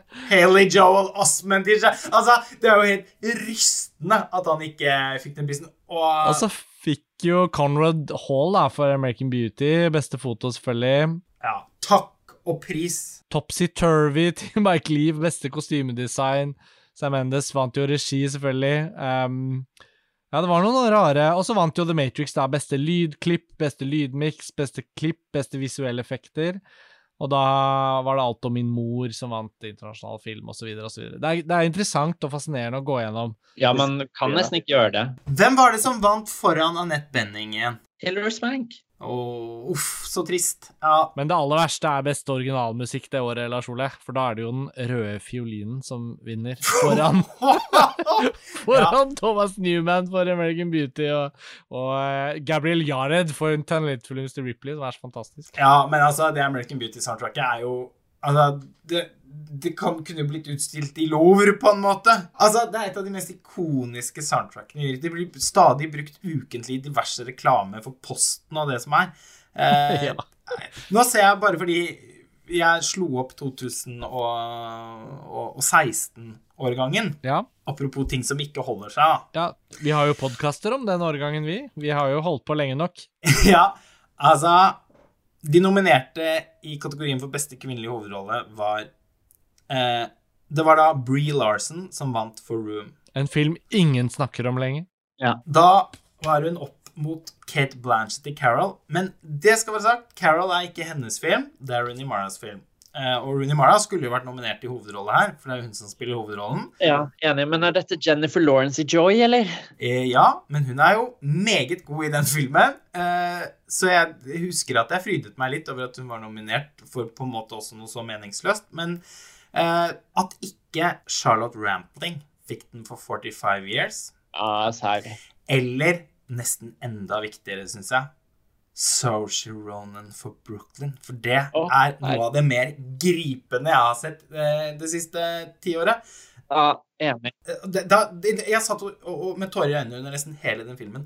Utelukkende på grunn av, av henne. Altså, det lyser jo av henne. Og, og hun har jo fortsatt å få eh, nominasjoner eh, i etterkant. I motsetning Ja, ja. til Bree Larson, for eksempel. Hun må jo nå være den yngste personen med fire Oscar-nominasjoner som for skuespiller. Ja, Kate Winslet. OK, ja. Men ja, det er de to der, da. Men altså, apropos Brooklyn, jeg drømmer fortsatt om at noen skal se på meg sånn som Embry Cohen ser på Sorcerer Run i den filmen. For hjelpe meg! Jeg har aldri sett noen være så forelska i hele mitt liv, jeg. Er tiden liksom, Begynner tiden å bli inne for en sånn legacy appreciation-episode om Brooklyn? ja, det, det kjente jeg litt. Og, og en spesialepisode tilegnet Social Ronan, som, Ja, som nok er sin generasjons beste skuespiller. Det har jeg sagt i mange podcaster. Så det er noe jeg virkelig Det er ikke noe jeg bare slenger ut. Men det tror jeg mange lyttere vil nikke anerkjennende til når jeg sier at vi hadde med hell kunnet snakke litt oftere om skuespillere som sånn hovedfokus her på Filmfrelst. Ja. Fordi vi har egentlig veldig mye entusiasme for å snakke om skuespillere, men det blir liksom aldri helt at det står i fokus for noen episoder. Nei, det er sant. Kanskje vi kan gjøre det som et lite En målsetting. Ja, Ja. det har jeg kjempelyst til, merker jeg. Kom med forslag. Um, Mats, Lars Ole, jeg tror tiden er inne for å avslutte denne episoden. Nå fikk vi en liten sånn epilog her på slutten med noen sånne flashbacks, men det var veldig gøy, det òg. Takk for praten. Det var utrolig hyggelig å ha en sånn litt sånn semi-episk eh, rant eh, om Oscars igjen, og nå er utdelingen noen dager unna.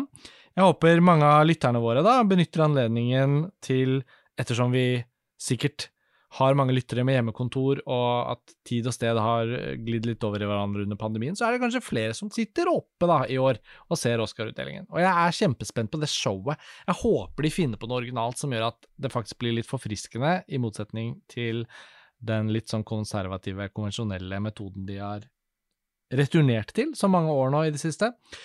Vi får se. Episoden er i hvert fall over for denne gang, og øh, vi returnerer til Oscarsnakk når neste Oscarsesong begynner. Mats og Lars Ole, måtte de beste Oscar-vinnerne gi oss noen underholdende øyeblikk, noen taler å huske, og at det på en eller annen måte blir noe å ta med seg videre fra 2021-sesongen. Ha det bra, og ha en fin kveld videre. Ha det bra. Ha det. Ha det!